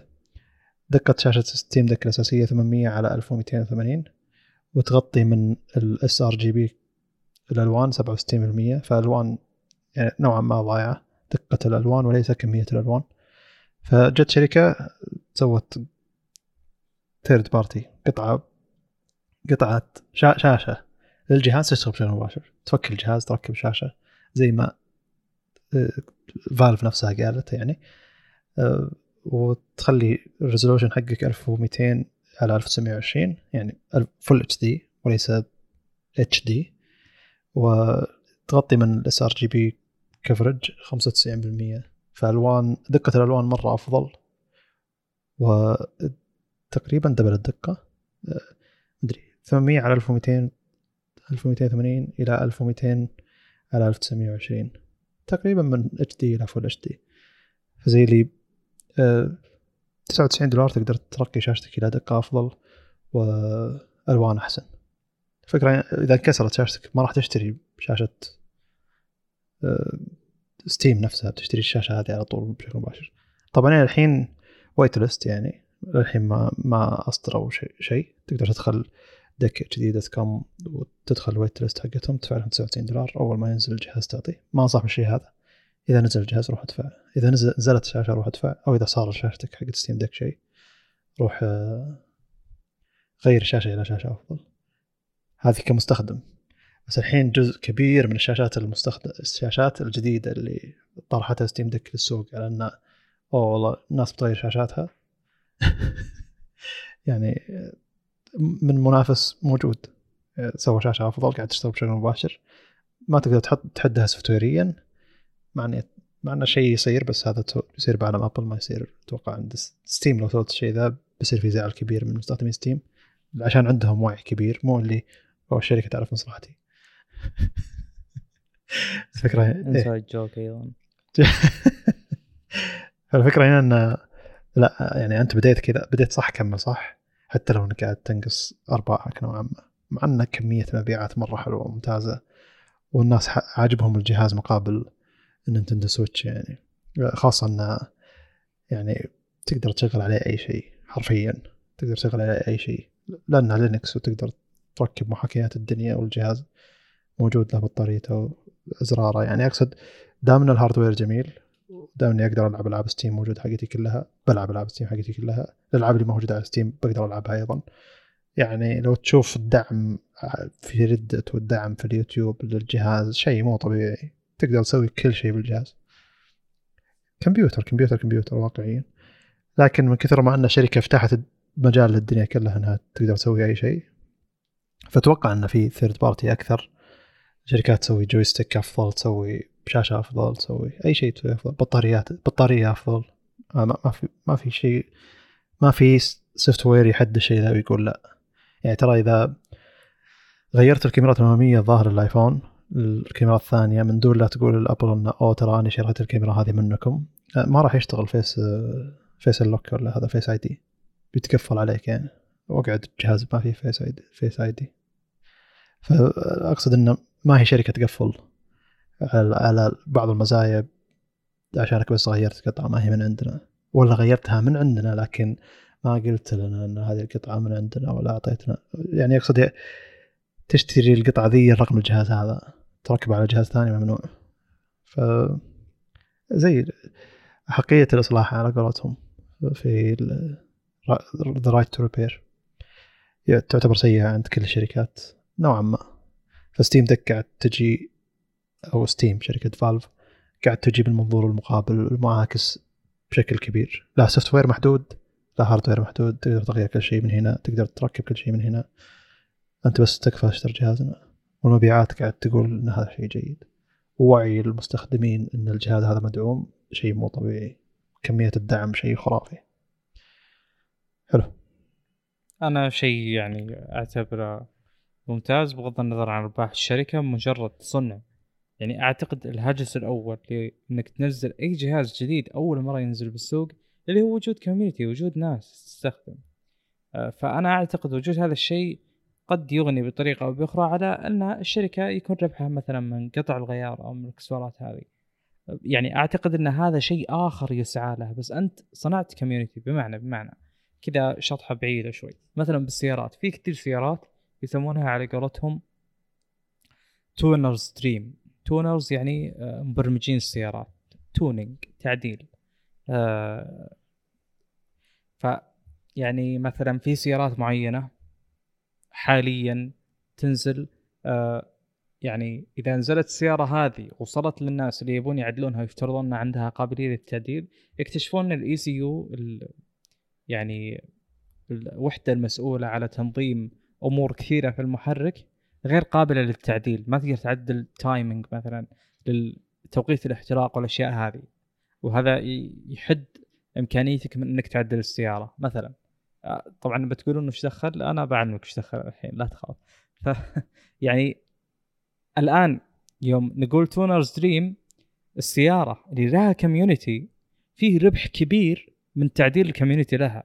بمعنى إن في سيارات تنزل وتكون بأداء اعتيادي من المصنع لكن آه، مجتمعات السيارة هذه آه، و يعني وحرصهم على إنهم يطلعون أداء أكثر منها. في الغالب هي سيارات بأسعار منطقية. وهي سيارات أثناء تعديلها في إمكانية كبيرة أنها تتغير إلى شيء آخر مختلف كليا. زي مثلا نعطي مثال بسيط جدا. ما في Wrangler إلى وقت قريب مثلا يجي بكفرات كبيرة جدا 35 وطالع إلى 37 آه، ليش ما كان هذا الشيء موجود؟ رغم أن الرفرف كبير جدا لأن هذا المجال متاح لل aftermarket. طب ليش الشركة نفسها ما تسعى لأنها توفر هذا الشيء؟ لأسباب جدا كثيرة. من ضمنها أسباب انبعاثات أسباب توفير وقود أسباب يعني أمان إذا ارتفعت السيارة بتكون أخطر للمشاة أثناء الاصطدام والى آخره. أسباب متعددة جدا لا يمكن حصرها والشركة ما عندها استعداد توفرها. هذا مجرد مثال. وهذا قد ينطبق في ال Steam Deck ليش قد ينطبق؟ لأن مثلا مثلا لو شبكنا شاشة أكبر أو يعني الشركة نفسها جابت شاشة أكبر ب resolution أعلى في ظل وجود شاشة أصغر. هذا مكلف عليهم تصنيعيا كخطوط إنتاج وإلى آخره بالإضافة إلى البحث والتطوير والاختبار الجودة نفسها. بمعنى أنت شريت الآن شاشة aftermarket شاشة من السوق تتعدل ب resolution أحسن و OLED وإلى آخره. لو بكرة الشاشة هذه ما اشتغلت على لعبه من الألعاب بشكل جيد ما راح تعصب على Steam. فهو نفس الشيء موجود بسوق التعديل في السيارات. إذا أنت عدلت سيارتك ما راح تزعل يوم تخرب السيارة. أنت شريتها عشان تعدلها في يعني مو ما أقول إنها مخاطرة بالعكس شيء ممتع لك إنك تعدل. في ناس كثير ممكن يحبون يضيفون لمستهم لأي سيارة. جميل. بعطي مثال آخر مثلا في شركات زي Mopar عموما اللي هو Stellantis اللي هو FCA اللي هو Dodge Jeep إلى آخره. آه يعني يوفرون من الوكالة تقدر تروح مثلا الوكاله في السعودية تلقى Mopar عندهم قطع بعض السيارات تباع ب intake مكشوف بفلتر هواء مكشوف مثلا. يعني السيارة نفسها هم عدلوها وأعطوك إياها. أه وتقدر تشتري قطع تعديل وما تطلع من الضمان. بمعنى أن الشركة ربحها من بيع السيارة وفي ربح آخر من جنب لتعديل السيارة. فهم يبون يربحون من هنا ومن هنا.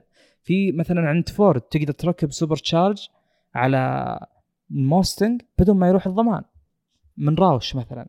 وش الفكرة هنا؟ أن أنت تقدر تلعب على الحبلين. فأنا بالنسبة لي إمكانية تعديل ال Steam Deck شيء جدا ممتاز المفروض ما تضيق عليه خصوصا إنك تستخدم Arch Linux ما أدري شيء خرافي وش المشكلة انه يعني يعني انه لو استخدموا مثلا شيء custom منهم بيكون أسوأ بشكل كبير.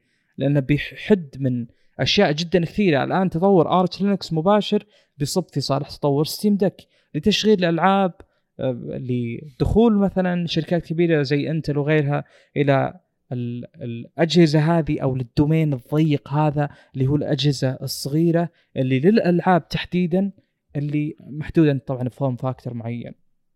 زي مثلا تجيك شركات كروت شاشة تاخذ ال PCB وتعدل عليه بال heat sink وإلى آخره بحيث إنه يكون ال form factor صغير بحيث إنك تقدر تركبه على كيس صغير ITX نفس الشيء يوم نجي نبي قطع تعديل مثلا على Steam Deck بيكون شيء جدا ممتاز ان تكون عندك كل هذه الإمكانيات إنك تعدل لأن يوم يكون في community بيكون فيه fans بيكون فيه معجبين. مو مجرد community الناس تناقش بإيجابيات سلبيات شيء.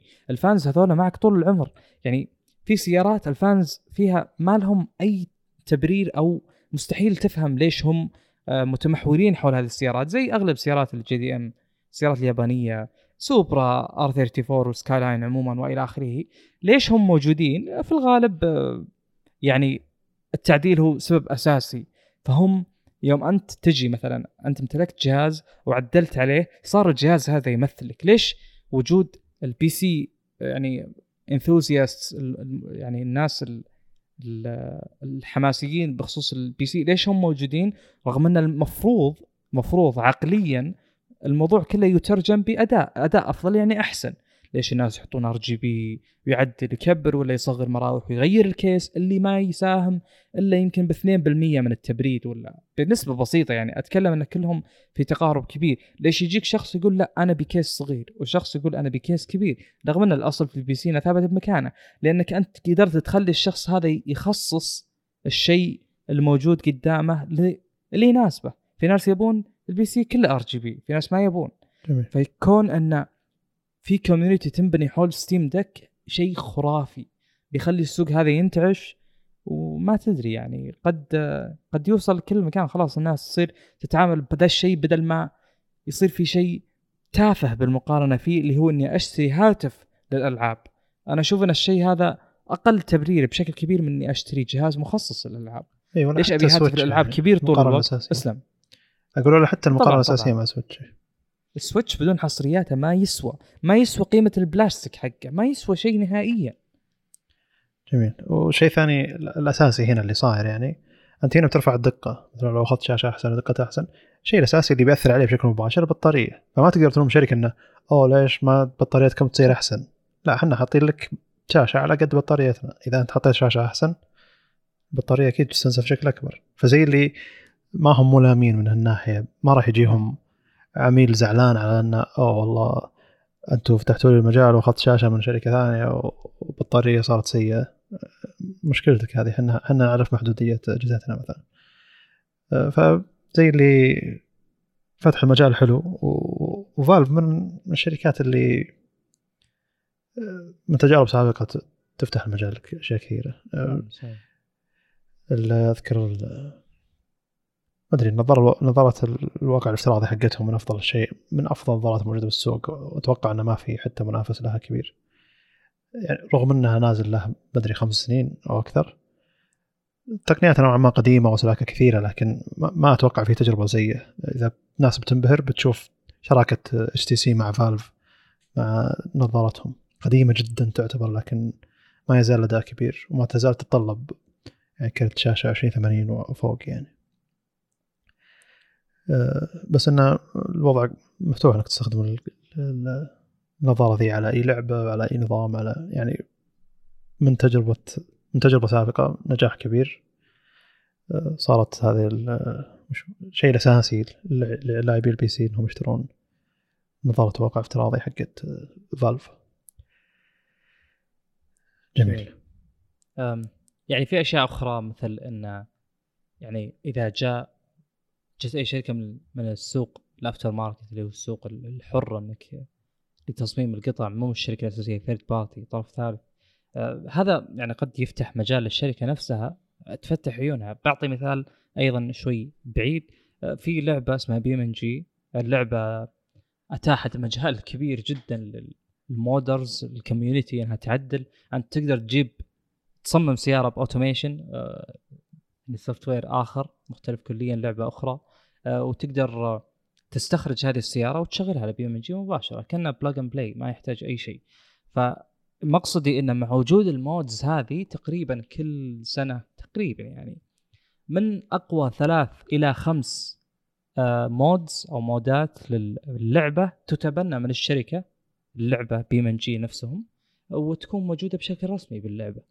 أفضل ثلاث إلى خمس يعني في سيارات كثيرة الشركة أو تعديلات كثيرة الشركة ما كانت مخططة لها أصلا. بعد فترة خلاص تم تبنيها وصارت محتوى أساسي لا يتجزأ من اللعبة. نفس الشيء يوم نتكلم عن الأشياء اللي قد تعدل في هذا الشيء. يعني لو جت مثلا زي خبر بنتكلم عنه بعد شوي اللي هو فكرة آه، وجود حل تبريد أفضل. لو شركة متخصصة في التبريد شافت إن في مشكلة مثلا حرارة في Steam Deck وجت قدمت حل كذا aftermarket حل طرف ثالث ممكن بعد فترة تصير شراكة بين الشركتين. فال modders هذولا ال third party ال aftermarket هو وسيلة ال fans إنهم يحصلون اللي يبونه من الشركة. لأن هذول هم اللي بيوصلون صوت ال fans للشركة. فيعني شيء شيء إيجابي من جميع النواحي. جميل. آه طيب ندخل الخبر اللي بعده. جميل. طيب تحديث غريب جاء شهر ماي الماضي لأجهزة Google Pixel. آه تحديث لتطبيق جوجل. خلى البطارية تصمد بدل ما آه ست ساعات تشغيل شاشة تقريبا. عند أغلب المستخدمين اللي قاعد يشتكون من الشيء هذا إنها إنها تكمل يلا ثلاث ساعات. ف آه، قاعد يطلع لهم بالشيء الشيء الأساسي. يعني تحليل البطارية إن تطبيق جوجل الأساسي هو اللي قاعد يستهلك الطاقة هذه. فالحل الأساسي إنك تروح تحدث التطبيق لكن ما في له أي تحديث الحل الاساسي إنك تلغي التحديثات فترجع للنسخة الأساسية. لكن تطبيق جوجل الاساسي من التطبيقات الأساسية لدرجه إنه يقدر يحدث نفسه بنفسه زي متجر جوجل الأساسي. آه، ما يحتاج تروح تحدث متجر جوجل الأساسي بنفسك ترى هو بيحدث نفسه بنفسه. ففي تطبيقات كثيرة من تطبيقات جوجل الأساسية خاصة في اجهزه بيكسل تحدث نفسها بنفسها. واصلا ما راح تلقاها موجودة بال, بال... Google Play Store يعني. تلقاها هي خارج الشيء ذا لأن أصلا قاعد تاخذ صلاحيات أكبر على هذا وما راح تقدر تحذفها وتلغي تحديثاتها. فالمهم إن أغلب المستخدمين راحوا ألغوا التحديثات أو سووا فو force وش هو؟ إغلاق بقوة وايقاف بقوة على قولتهم. حلو. لكن التطبيق يرجع لأي شيء ثاني لأن الجهاز كامل معتمد على خدمات جوجل تطبيقات جوجل. ف تطبيق جوجل أساسي ترى يشتغل في اي يشتغل مع اي تطبيق ثاني يحتاج أي شيء من جوجل. فزي اللي يلغي التحديثات يروح يشغل الجهاز مرة ثانية يدخل Google Maps يبحث بأي مكان يرجع جوجل تطبيق جوجل يفتح بنفسه ويستهلك طاقة مرة ثانية. هو ظهر بعد ما أدري كم يوم ممكن جاء تحديث. آه، لكن القضية كبرت مرة على مده مدة تقريبا ثلاث أربع أيام. كمية كبيرة جدا من مستخدمين اجهزه بيكسل 6 6a 7 7a قاعد يشتكون من أن البطارية انقصت بالنص يعني. آه ما انحلت المشكلة لحول 17 ماي أو 16 ماي ف شيء مستغرب. وطول مرة إن الجهاز انحلت مشكلته. آه تقريبا قاعد خمس أيام أو أكثر. بس هذا تشوفه ما يصير مع شركات ثانية ما أدري ليش. كل فترة نتكلم عن مشكلة صارت في ال software حق جوجل أو بيكسل ف أقصد يوم نزل بيكسل 4 أذكر بعد شهر شهرين صارت مشكلة يوم نزل بيكسل 5 بعد شهر شهرين صارت مشكلة. دائما في مشاكل غريبة بال software تصير. ما أذكر إيش صارت يعني ما أذكر وش هي بالضبط لكن أذكر إن تكلمنا عنها أكثر مرة إن الجهاز غريب. يقولون عنه مستقر ومن أفضل أجهزة ال- الأندرويد من ناحيه استقرار وأداء وكذا لكن تجي مشاكل غبية زي ذي تخليك تكره الجهاز. ف زي انحلت المشكلة يعني في الاصل لو أنتم مستخدمين بيكسل لاحظت إن الكاميرا البطارية راح نصها فحدث تطبيق جوجل أساسي. جميل. أم يعني شوف يعني أعتقد ما أدري إذا إحنا نظلم بيكسل أو لا. طبعا هذا شيء غير مقبول من الأساس لكن يوم نتكلم على عدم استقرار فالمنافسين يعني ليش توصلنا هذه الأخبار تحديدا من الأصل السبب انه يعني المجتمع الأمريكي دائما هو اللي يستعرض في ريدت ولا في أي مكان ثاني هو اللي صوته أبرز هو اللي ممكن يتحلطم على اقتناء جهازه باللغة الإنجليزية فيصير لك وصول له أغلب. منصات الأخبار الإنجليزية فمن المنافس. عندك البكسل اللي يملك يمكن 1% من السوق أو يمكن أقل بعد الأصل إنه أقل وعندك Apple اللي نسبتهم جدا كبيرة هم الأساس في الاستخدام بالإضافة إلى سامسونج طبعا. سامسونج شركة عملاقة ضخمة جدا. الأمور هذه شبه من النادر إنها تحصل. فحنا نحط جوجل في يعني بين سامسونج و Apple آه، في مجال هم ما هم الأفضل فيه. فبيكون الحكم نوعا ما يعني أعتقد إنه قاسي آه، ما هو ظالم. آه، هذا هذا السوق. يعني إذا ما تقدر تنافس اطلع برا بكل بساطة. ما هو من ما هو صحي للمنافسة لكنه هذه متطلبات المستخدمين. لكن في ظل وجودها في هذا السوق الضيق جدا آه، يعني التحديات كبيرة وقد تكون أكبر من جوجل إنها في هذا الوقت الحالي إنها تقدم أجهزة سليمة بشكل كامل أو إنها تقدر تحل المشاكل لأن كل شوي يطرأ شيء جديد على جوجل. جتهم فترة ما في flagship بعد الفترة اللي ما في flagship قرروا يطلعون ال Tensor. آه، والآن في الجيل الثاني من ال Tensor لا زالت في مشاكل عدم استقرار اللي قد تطول مثل تردي مستوى Exynos من بعد ما كان نوعا ما أفضل في صرف الطاقة مقابل Qualcomm ثم شبه اختفاء من الساحة نوعا ما. فقد نشوف نفس الشيء على فترة طويلة جدا. قد يصير الكل يتشكى من Tensor أو من جوجل عموما من ناحية استقرار إلى أن تنحل المشاكل أو تنسحب جوجل وهذا مستبعد انها تنسحب جدا مستبعد في ظل استثماراتهم القوية جدا مؤخرا. بس أنا أبي أوضح إن جوجل أصغر منافسه الآن بشكل كبير. فهذه الأشياء جدا متوقعة للأمانة. وبستغرب لو كانت مو موجودة لو كانوا الافضل كأداء والأقل كمشاكل. صعب جدا. جميل. أه بس أقصد الشركة اللي دائما يتغنون فيها بالاستقرار وال software الأفضل أيضا بتحصل فيها مشاكل. وشيء مستغرب. طيب هذا موضوع مرة مثير للجدل والغريب انه يعني ناس ما اخذت إنه معصبه على الشيء ذا. وتكلمنا أكثر أكثر مرة سنوات ماضية عن الشيء ذا. آه، اللي هو تكلفة تصنيع الأجهزة. تكلفة تصنيع الجهاز المفروض إنك ما تأخذ من ناحية إنه أوه شركة لعب عليك من الكلام هذا أنا أستغرب من الردود هذه.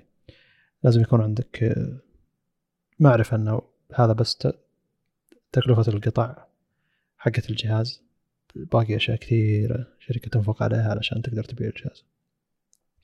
فسامسونج تكلفة الاس 23 الترا 469 دولار.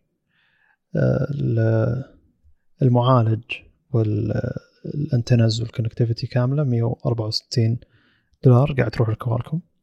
الشاشة من سامسونج نفسها ب 84 دولار. الكاميرا من سامسونج نفسها ب 66 دولار. وأظن في واحدة من الكاميرات سوني أو شيء زي كذا. ال memory أظن إنه من سامسونج ال RAM. أو انه أظن من Qualcomm نفسها إذا كان نفس على نفس ال SoC 52 دولار. آه، ال casing يعني ال- الهيكل والزجاج الخارجي والأشياء هذه تدخل في Corning Gorilla Glass ولا شيء. شركة الزجاج شركات الأزرار آه، شركة تغطية الكاميرات والجهاز آه، 38 دولار. وبقية الأشياء تأخذ 15% من التكلفة. تفاصيل مرة دقيقة تعتبر فما فما حطوها بالإحصائية. هي 70 دولار. فالشيء الملفت للانتباه ان هنا يعني الجهاز تقريبا هو خامس الأجهزة الذكية الرائدة مبيعا في العالم. لا خامس الأجهزة الذكية مبيعا في العالم فوق 500 دولار خلال الربع الأول من 2023 ف بالترتيب هذا iPhone 14 Pro Max أول جهاز iPhone 14 Pro iPhone 14 iPhone 13 ثم S23 Ultra. ف وهذا الجهاز قاعد يغير نسبة مبيعات الأجهزة الرائدة في Android بشكل عام. ف يعني زي, زي اللي انتقلت تقريبا من 23% إلى 31% خلال سنة خلال يعني السنة الماضية كانت مبيعات الأجهزة الرائدة في Android 23% الحين ارتفعت إلى 31% وأتوقع التأثير الأكبر هو تأثير أن المعالج المعالج الأساسي صار مرة ممتاز وتأثير S23 Ultra اللي موجود بالسوق. فلو نرجع هنا للتفصيل أن 34% من قيمة الأشياء المشتراة للجهاز هذا رايحة ل Qualcomm 33% رايحة لسامسونج وهذه أول مرة تصير النسبة بالشكل هذا. العادة أكبر آه، سعر للأجهزة الموجودة للقطع الموجودة داخل الجهاز يروح من سامسونج ثم Qualcomm ثم بقية الشركات. لكن الحين كوالكوم هي أكبر تكلفة على القطع الموجودة داخل الجهاز من تكلفة الجهاز كامل. ما أدري إذا سامسونج نفسها آه، يعني سامسونج موبايل قاعد تعامل مع سامسونج حقين القطع يعتبرون تجار داخل سامسونج يعتبرون تجارتين مختلفة فهذه تبيع لهذه. فما أدري إذا كانت مخفضه أسعار الأشياء على سامسونج لدرجة إنه صار 30 33% من قيمة الجهاز كقطع أو انه لا واقعيا كوالكم قاعد سعرها جدا عالي وسامسونج قاعد تعطي سعر سعر السامسونج الثانية اللي داخل سامسونج. سامسونج موبايل المقصد يعني. آه، سامسونج الهواتف قاعد تشتري قطع من سامسونج بشكل غالي فالنسبة ما ارتفعت مرة ما أدري. لكن بشكل احصائيا هذه أول مرة. نسبة أكبر نسبة مادية للقطع نفسها. جميل. أه مثل ما قلت أنا أعتقد إني استهلكت نوعا ما فكرتي ورايي قبل البودكاست يوم ناقشنا هذه النقطة. يعني الأرقام هذه أنا ما أقول إنها غير دقيقة. أي غير دقيقة طبعا بس ما أقصد إنها جدا بعيدة عن الواقع وتكلفة يعني الاحتساب قد ينظر لها من ناحية أخرى. يجيك أحد يقول المفروض الجهاز هذا سعره هذا غير منطقي. آه يعني الشركة عشان يعني مثلا وش اللي دخل ضمن حساب التكاليف هذه؟ هل حتى اللوحه الإعلانية اللي يشوفها الشارع ضمن التكلفة أو لا؟ آه بالإضافة إلى أمور كثير أخرى لكن أعتقد أن الاصوب أن نركز على آه توزيع النسبة في يعني في, في هذا الجهاز إنه مثلا 34% رايح على Qualcomm. آه هذا الأكثر منطقية وللأمانة نسبة مستحقة أن ال SoC بياخذ 35% من قيمة الجهاز. وبنسبة مماثلة أو أكثر للشاشة. والباقي لباقي قطع الجهاز هذا الأساس. آه للأمانة هذا يتعارض مع الكلام اللي قيل وينتشر دائما في إن سامسونج تصل إلى 85% من تصنيع الجهاز. هل ال 85% هذه محسوبة كوزن؟ أنا ما أدري صراحة. بس إنه غير منطقي ويتعارض كليا يعني ان 33% فقط من الجهاز بحسب الكلام اللي أراه الآن. آه هو ان هاوس بلت ان هاوس من داخل سامسونج فقد تكون اختلاف يعني اختلاف تكاليف كوالكم مؤخرا قد تكون المنافسة فرضت على سامسونج إنها تستخدم أشياء من برا. ما أدري بس هذا يتعارض مع سياسة سامسونج أصلا. آه، بالإضافة إلى ما أدري آه، تقييم المبيعات لو, لو نرجع شوي بس. سم. آه كان أظن الأحصائية ذيك كانت يوم كانت سامسونج نفسها تصنع ال Qualcomm حتى لو حطت معالجاتها. أو اول احصائيه كانت تتكلم عن أيام Exynos يعني. فواقعيا بتصير بتأخذ النسبة حقت اي بتصير 60 أو حولها.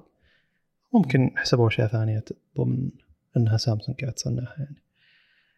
أو كانت سامسونج أسعار معالجاتها عليها أيضا غالية فأخذت نسبة أكثر. فلو نشيل نسبة إن ال processor وال antennas والأشياء ذي تروح لسامسونج إحصائية نوعا ما واقعية. لكن السنة ذي مختلفة والسنتين الماضية مختلفة. يعني Qualcomm قاعد تاخذ قيمة لنفسها وتصنع عند TSMC. مو عند سامسونج. جميل. طيب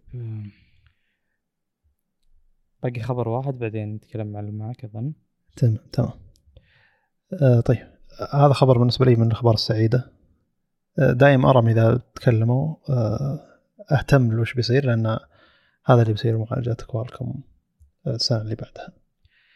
فأرم قالت إن ما إحنا مركزين السنة الجاية أو الاصدار الجاي من المعمارية حقتنا على الأداء. الأداء بيرتفع بس تقريبا 15% على الأعلى core اللي هو ال X4 ولكن استهلاك أعلى core للأداء رغم إنه ارتفع 15% بيكون أقل 40% من النسخة اللي قبلها. X3 يعتبر ولا غيرها.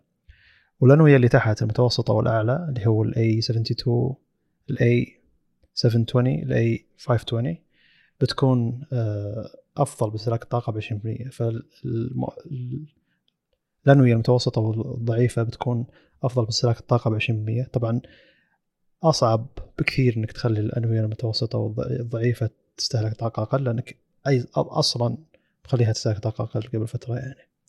يعني من الأساس هي تستهلك طاقة أقل. لكن الاكس 4 النواة الكبرى بيرتفع دها فقط 15% العادة يرتفع أكثر 25% 20% لكن الحين بيكون الاستهلاك الطاقة للنواة العليا بالعادة في نواتين فقط أو نواة واحدة للجهاز للمعالج الرائد الموجود يكون أقل استهلاك ب 40% فشيء يعتبر جيد. باقي بس نشوف الجزء ال GPU وش بيصير فيه عشان نعرف أكثر وأكثر. لكن عاجبني التوجه هذا وهذا توجه Qualcomm أيضا.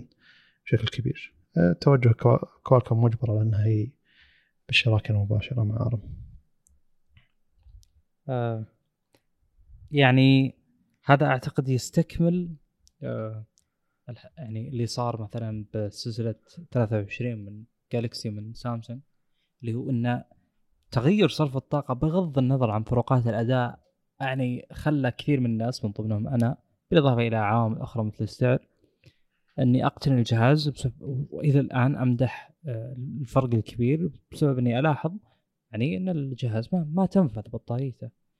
آه، أنا مثلا الساعة الآن 11 و تقريبا ونص قريبا من 11 ونص مساء. آه، أنا فصلت الجهاز تقريبا على الساعة 9 10 صباحا أو لا قبل 8 صباحا. الآن شحن الجهاز 45 وأنا أستخدم الجهاز في أغلب الوقت. وهذا الاعتياد وهذا السيناريو يومي.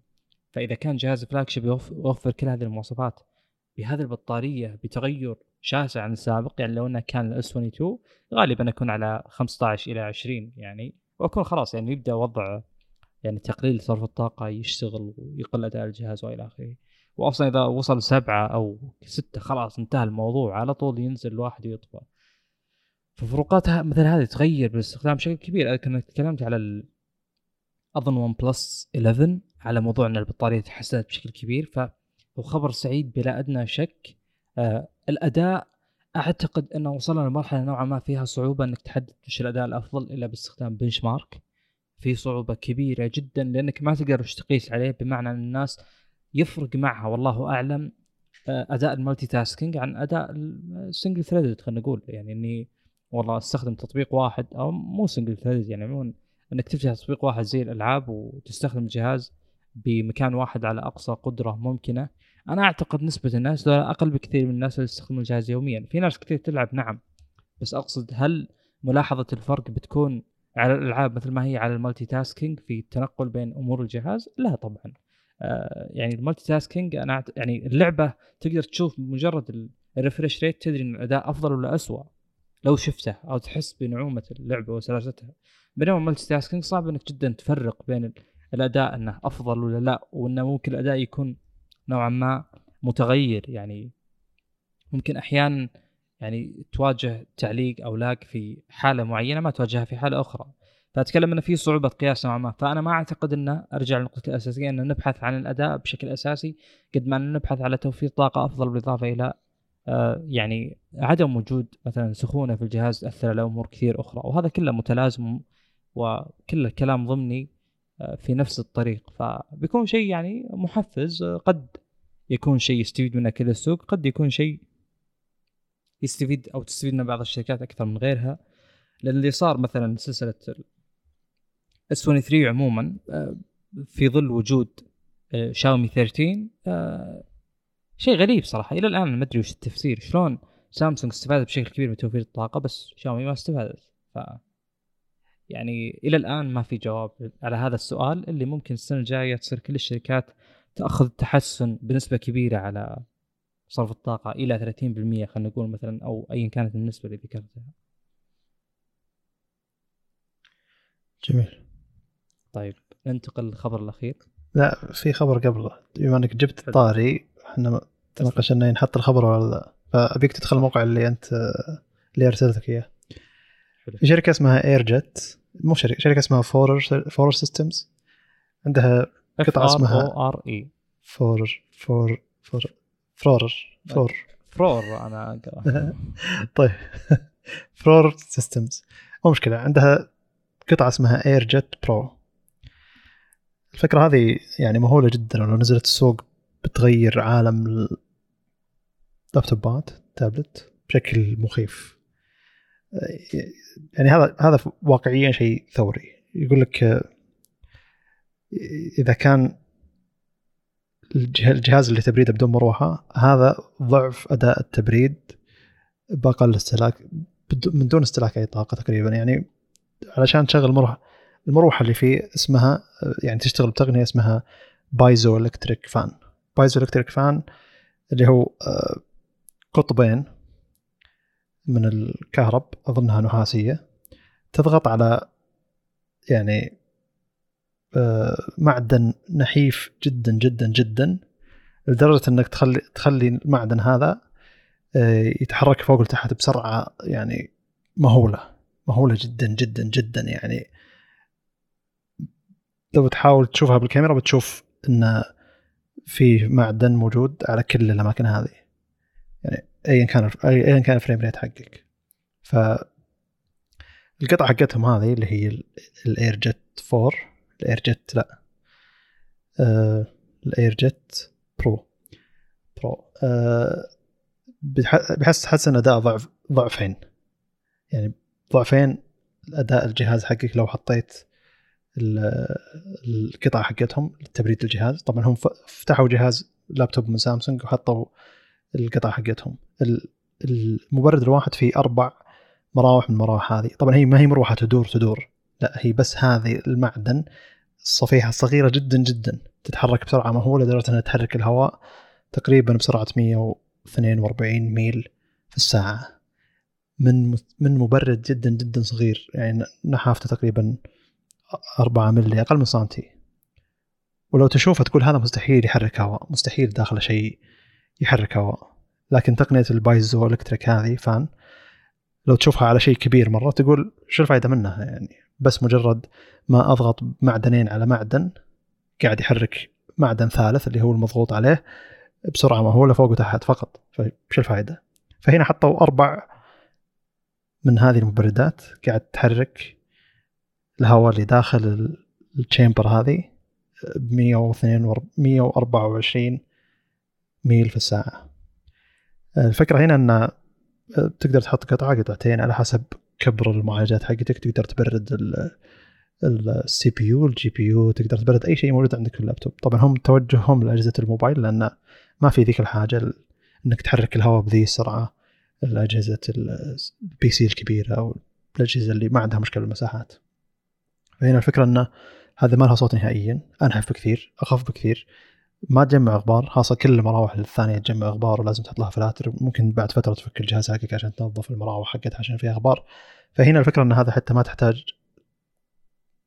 ما تحتاج تنظف الغبار لأنه أصلا دقيق جدا ونحيف لدرجة إنه ما في غبار يدخل وفي فلاتر مخصصة لها أصلا جدا جدا نحيفة. وسرعة أصلا دخول وخروج الهواء أظن يعني حتى بعض الغبار ممكن تدخل المكان وتطلع لأن أصلا ما في مروحة وفلتر وحوسه زي هذه. ف زي الأفكار هذه لما تشوفها وتقول أوه متى بيجي الشيء هذا. طبعا عندهم أكثر من نسخ عندهم AirJet Mini عندهم AirJet Pro عندهم فاستعرضوا ال Linus الفكرة ذي وروه فرق الاداء الواقعي. طبعا هو سوى تجربة ثانية. استهلاك الطاقة عشان بس تحرك المعدن هذا تقريبا 1.7 1 إلى 1.7 واط فشيء ما يذكر نهائيا من ناحية إنك قاعد تحرك مروحة. العادة المراوح تاخذ لها 2.5 واط 5 واط. آه، على حسب الم- المروحة وقوتها. فالفكرة هنا إن إحنا نبي نحط هذا بكل مكان. نبي نحط المبرد هذا بكل مكان لكن يبون بس اللي يدفهم للشيء هذا. ف القدرة عجيبة. يعني أنت قاعد تستهلك تقريبا 1.7 واط وقاعد تحرك حرارة بما يعادل 10.5 واط. فال... فنفس ال CPU حقك بيشتغل على clock أعلى لأن الحرارة اللي قاعد تطلع حرارة أكثر. ف زي اللي الحين تحول إلى عملية ARM. شركات Intel قاعد تحاول تخلي فيه CPU للأداء العالي و CPU للأداء المنخفض وقاعد نحاول يعني نعطي أداء أفضل قاعد نقلل المراوح بالأجهزة. ابل وصلت إنها تحط ام 1 بدون حتى مروحة على وقاعد يشتغل بشكل ممتاز. فزي اللي هذا عنصر التغيير الأكبر اللي بيصير إنه ما أنت تحتاج ذيك المراوح الكبيرة الجهاز ما راح تسمع له صوت نهائيا. الجهاز بيحرك حرارة إلى خارج الجهاز بكمية جدا كبيرة أعلى من اللي يستهلكها من الجهاز نفسه فزي اللي بعد الجهاز هذا بنحتاج مراوح أصلا للاجهزه ولا لا خاصه أجهزة الموبايل يعني ف ما توقعت صراحة أن السنة هذه بيجينا خبر زي هذا وبتجينا تقنية جديدة تخليني أستغرب وأقول أوه إيش صاير؟ هل هذا فعلا بيغير شيء ولا لا؟ أم يعني آه، ما أعتقد إن هذا وقت الحماس ابدا رغم إنه جدا ممتاز اللي شفناه. آه، فعليا يعني هذه التقنيات موجودة وتظهر في أوقات كثيرة جدا بس فيه يعني في أشياء كثيرة تحدد نجاح أو فشل مشاريع زي هذه. في جميل أشياء جدا جدا كثيرة.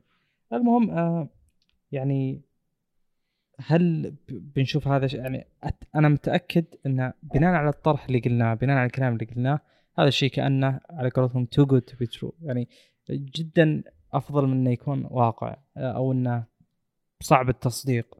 آه، لأن ما تطلع تقنية مثل هذه إلا وفي سلبيات وإحنا ما نتكلم عن السلبيات نهائيا. آه، كلها إيجابيات وقد تكون فعلا تغير السوق بس إن المقصد إن الحكم يؤجل إلى حينه.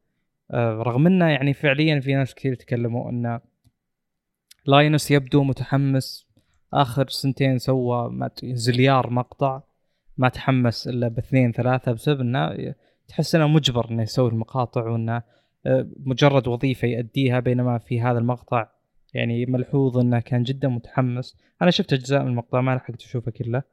آه، ف فقد هذا يوحي ان فعلا التقنية تغير آه، ولها مستقبل كبير. لكن ممكن ما تتبنى ممكن تسرق منهم بس إحنا ما يهمنا طبعا. يهمنا وش يوصلنا كمستخدمين. يعني أنا أحس إنه الريادة في هذا المجال لشركات زي be quiet! و Noctua وشركات كثيرة أخرى رائدة بالتبريد وعندها R&D كبير. يعني أعتقد إنها قد قد تكون وصلت لهذا المجال من زمان.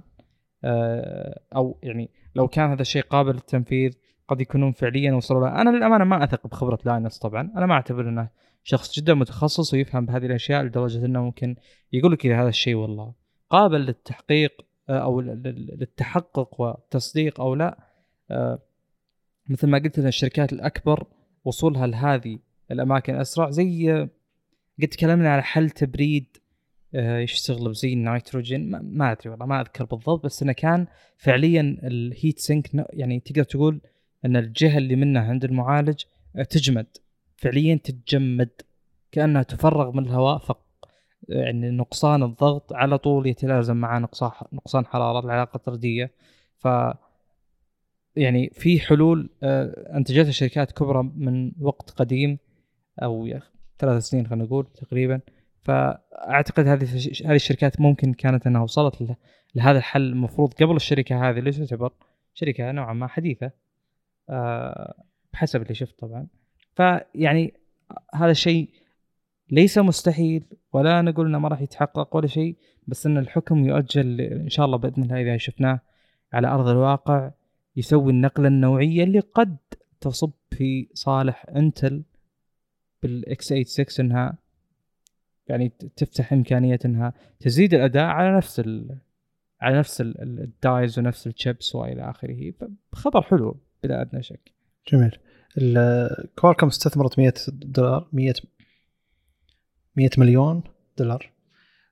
و Intel استثمرت 100 مليون دولار بالشركة هذه. جميل. ف شوف يعني أنت أنت الحين تعتبر من البا... حاطين إحنا حاطين بموقعهم نفسه إنه من ال partner حقين إنه Intel Qualcomm و GS فرحت أشوف المبا... كم مبالغ الشركات هذه. ف Intel 100 مليون و آه، Qualcomm 100 مليون. ما أدري GS. كم ما لقيت عليه خبر. فزي لي إيه يعني استثمار مبكر بعد يعني أنت أظن قبل أقل من سنة يعني. حلو, حلو. قبل حتى الإعلان عن الشيء ذا. لكن يعني أنت لو أنك ما أدري يعني متابعة السوق بتبين خبايا نوعا ما كثيرة آه، بمعنى أن فيه استثمارات كثيرة جدا موجودة في أماكن كثيرة جدا زي الهاكاثونز اللي تصير إلى آخره. يعني يقول لك والله الفائز مثلا مثلا له 300 ألف ريال. تجي أنت تفترض بعقلك ومن أوسط حقوقك إنك وقت الفوز بالجائزة إنك تستلم 300 ألف تروح البيت خلاص يعني. بس تلقى إنه وش يقولون لك؟ انه مثلا آه، أول دفعة بتكون آه، خمسين ألف بعد رؤية المشروع مع التيم مثلا من ضمن آه، يعني قدام المستثمرين. آه، ال- الدفعة الأخرى بتكون مثلا عشرين ألف بعد ست شهور إذا العمل الفعلي والرخصة تمت. الخمسين ألف اللي بعدها بتكون إذا كذا. إلى آخره الآن تقعد تقريبا أربع سنين عشان تستلم هذه 300 ألف. حلو. لأنهم وشو؟ بحجة أنه يبونك تكون آه، فعليا مالك مشروع يدعمونك إنك يعني كبزنس صغير إلى آخره. فهذه الشركات ال 100 مليون دولار هذه طبعا قد تكون كذا راحت مباشرة للشركة.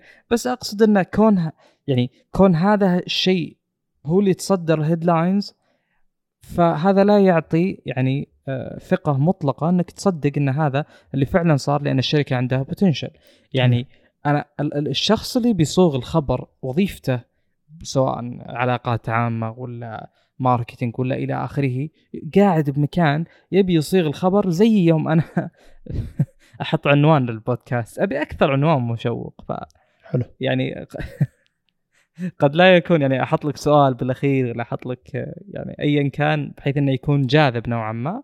زي ما أنه يعلنون عن أي مسابقة أنه والله اللي يكتشف ثغرة ولا اللي يسوي كذا له كذا إلى آخره قد لا يكون هذا هو اللي بالواقع مثل ما أننا نتصوره. لكن ننتظر ونشوف. جميل. آه، لا لا لا- شيء شيء اللي سووه قدام لاين الصراحة جميل. يعني آه، فتحوا لابتوب من سامسونج حطوا التبريد حقه وورون جابوا جهازين نفس الجهازين بالضبط واحد بس غيروا التبريد حقه إلى التبريد حقهم وتقريبا يعني الأداء مرة تغير وال clock speed ارتفع لهذا لأنه في مجال إنه التبريد أعلى. فبقى على clock speed عالي مرة فترة طويله فترة طويلة أطول بكثير من التبريد الأساسي من سامسونج.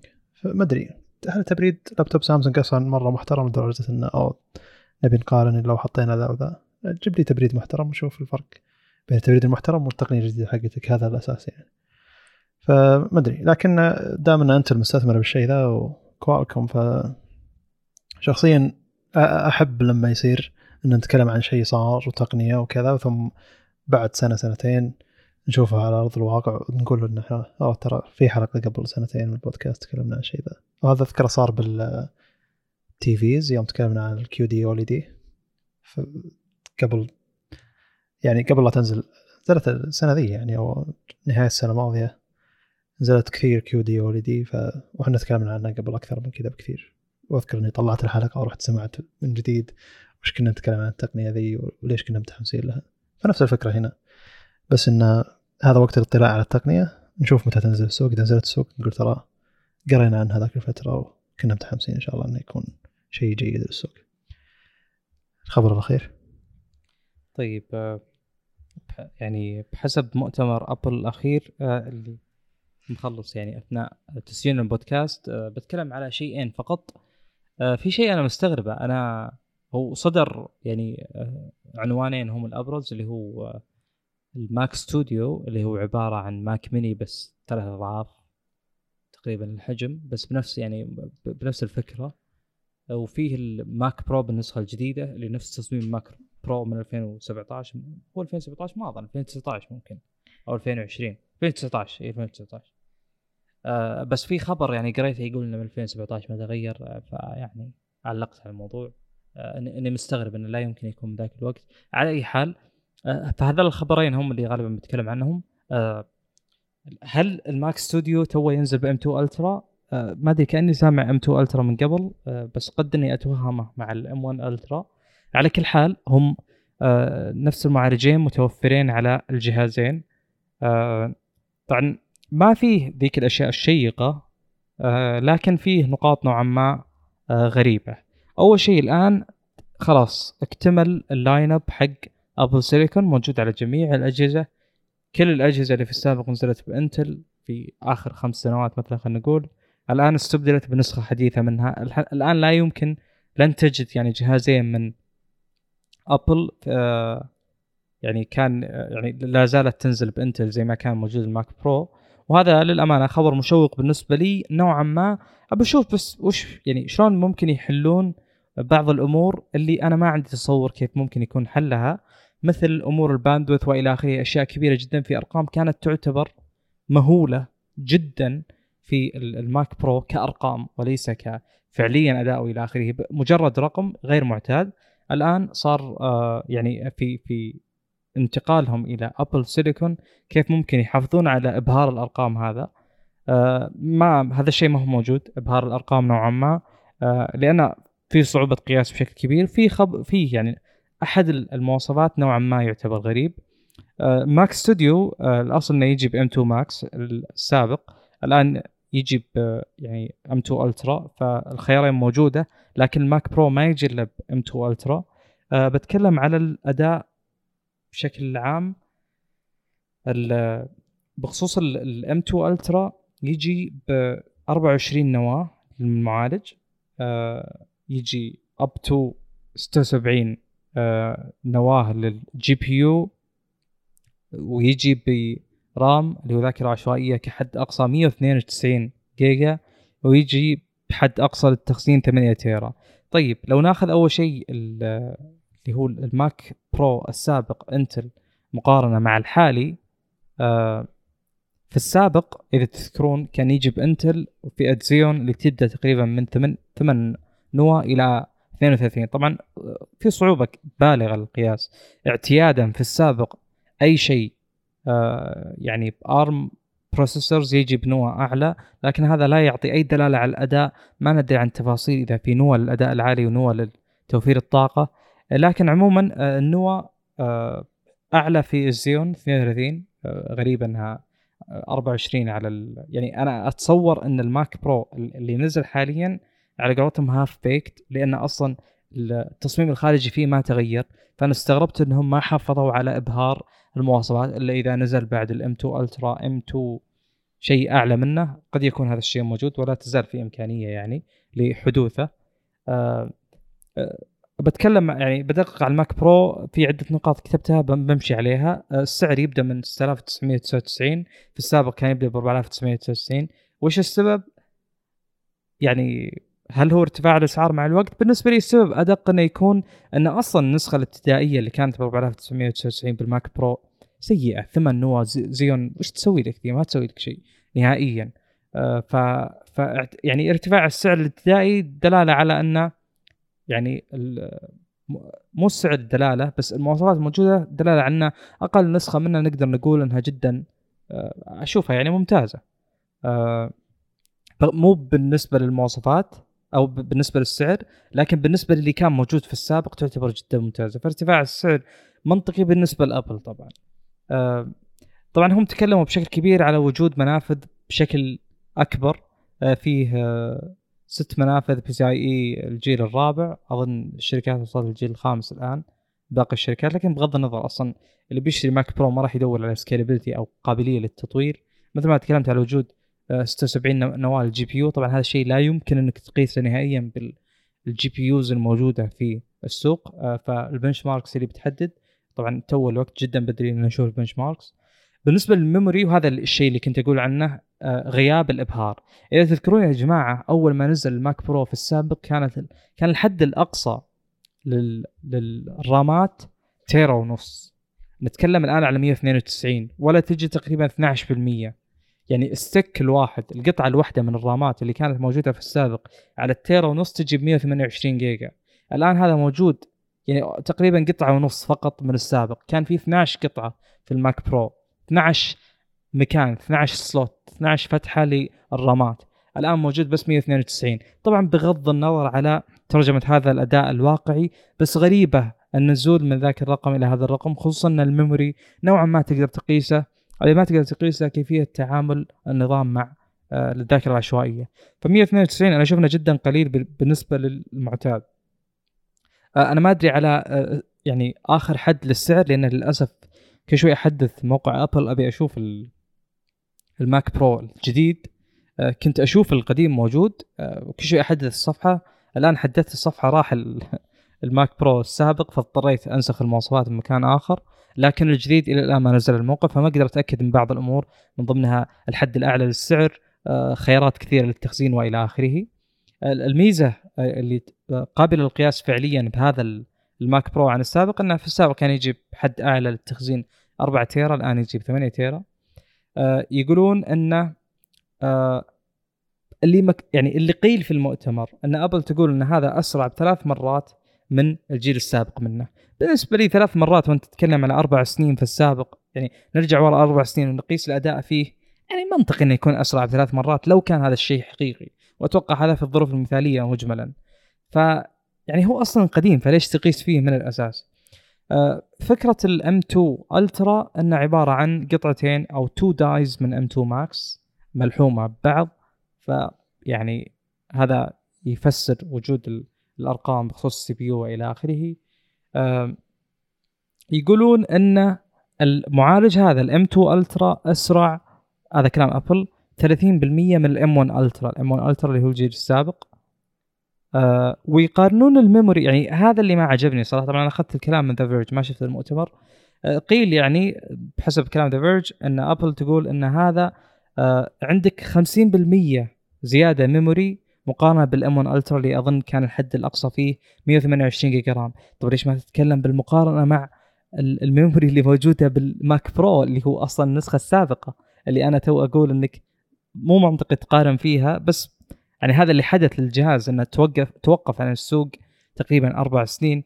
آه فيوم تجي يوم يجي موضوع ال memory الاجدر إنك تقارن في السابق لكنهم قارنوا في ال Ultra وقالوا إنه يوفر تقريبا 50% زيادة آه، تخزين. فيعني آه مثل ما هو معتاد صعب القياس بحسب كلام Apple. آه لابد من الانتظار إلى اختبارات حقيقية عشان نشوف ونقدر نحدد آه قد إيش تطور الجهاز. أنا بالنظرة الأولى أقول صراحة أنا غير متفائل ابدا. أبرز الأسباب وأسهلها أن الجهاز يعني كونه ما تغير من برا بالنسبة لي نوعا ما كافي. أكيد يبون يحطون لهم ثيم بس أنه ما يتغير ابدا أنه ما يكون في أي شيء مثلا لون جديد space gray إلى آخره. أعتقد أنه يعني كان ممكن يغيرون ولو شيء بسيط آه، بحيث أنهم يحسون أن الجهاز فعليا أحدث. الجهاز طبعا ما له اسم يعني حاله حال غيره طبعا من الأجهزة اللي في Apple حاليا. ف Mac Pro ممكن تعني Apple Silicon ممكن تعني Intel آه، أعتقد الجهاز كما هو في السابق ممكن يجي يعني passive cooling آه، أو مو passive cooling معليش هو أظن كان يجي بالثلاث مراوح اللي يزعمون إن كل واحدة تقلل الضجيج على الأخرى بحكم إنهم يدورون في يعني في ترددات أو سرعات دورانية مختلفة.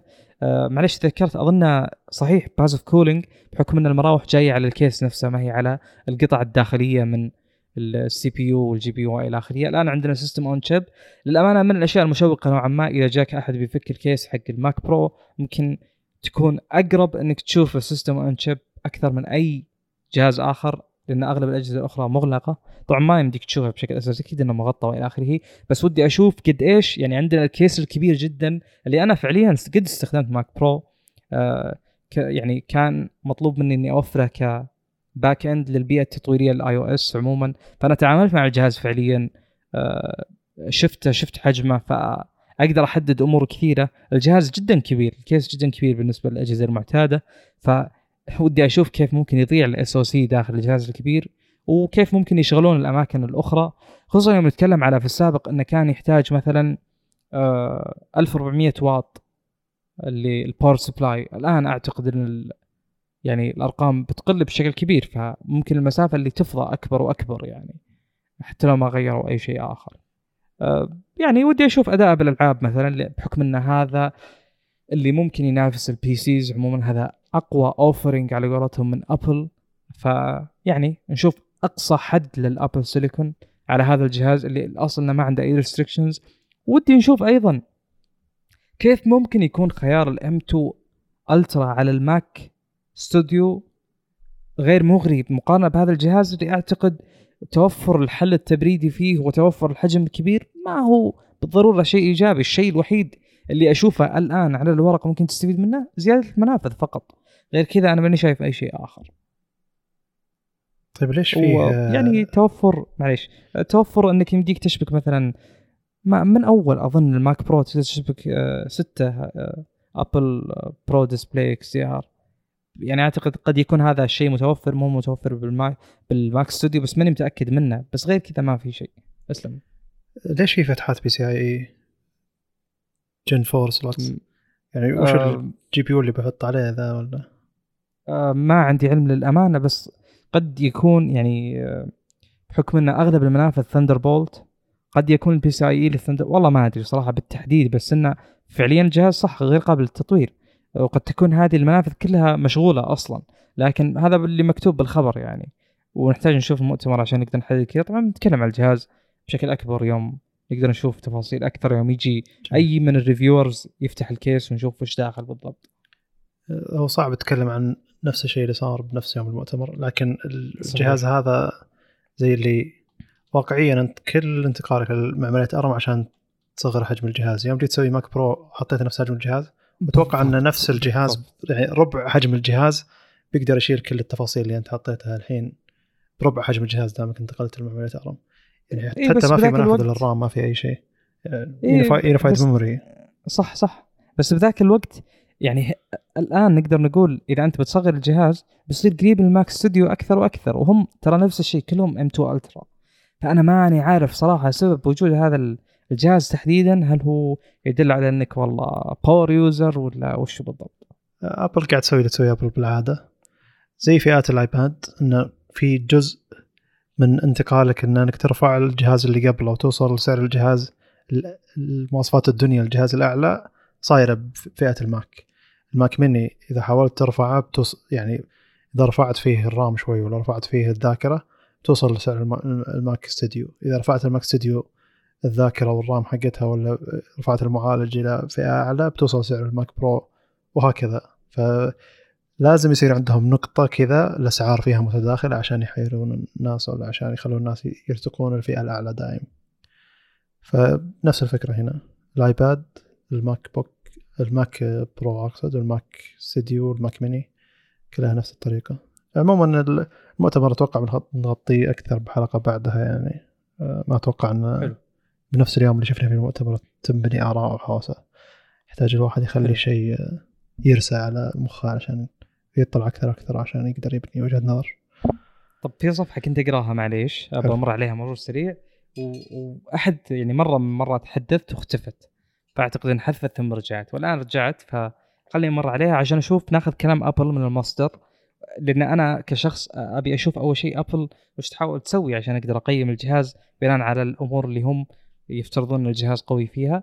يقول لك انه في وجود بترجم الكلام في وجود ال M2 Max آه الآن ووجود ال M2 Ultra آه ماك ستوديو يعتبر يعني جهاز قوي جدا. بس الماك برو بيجمع لك قوة ال M2 Ultra مع PCIe expansion مع توسع ال PCIe زيادة ال PCIe وهذا الشيء يكمل تحول Apple إلى Apple silicon بشكل مجمل. فشوف يجمع لك أداء ال M2 Ultra مع وجود PCIe expansion هذا الشيء اللي أنا تكلمت عنه قبل شوي. اللي هو ما راح تحصل على شيء سوى وجود PCIe زيادة. غير كذا أنا ما أدري صراحة إيش تحصل عليه. طيب خلينا نمر على آه، باقي الأمور آه، اللي ممكن ما أدري ممكن نطلع معلومة أو معلومتين.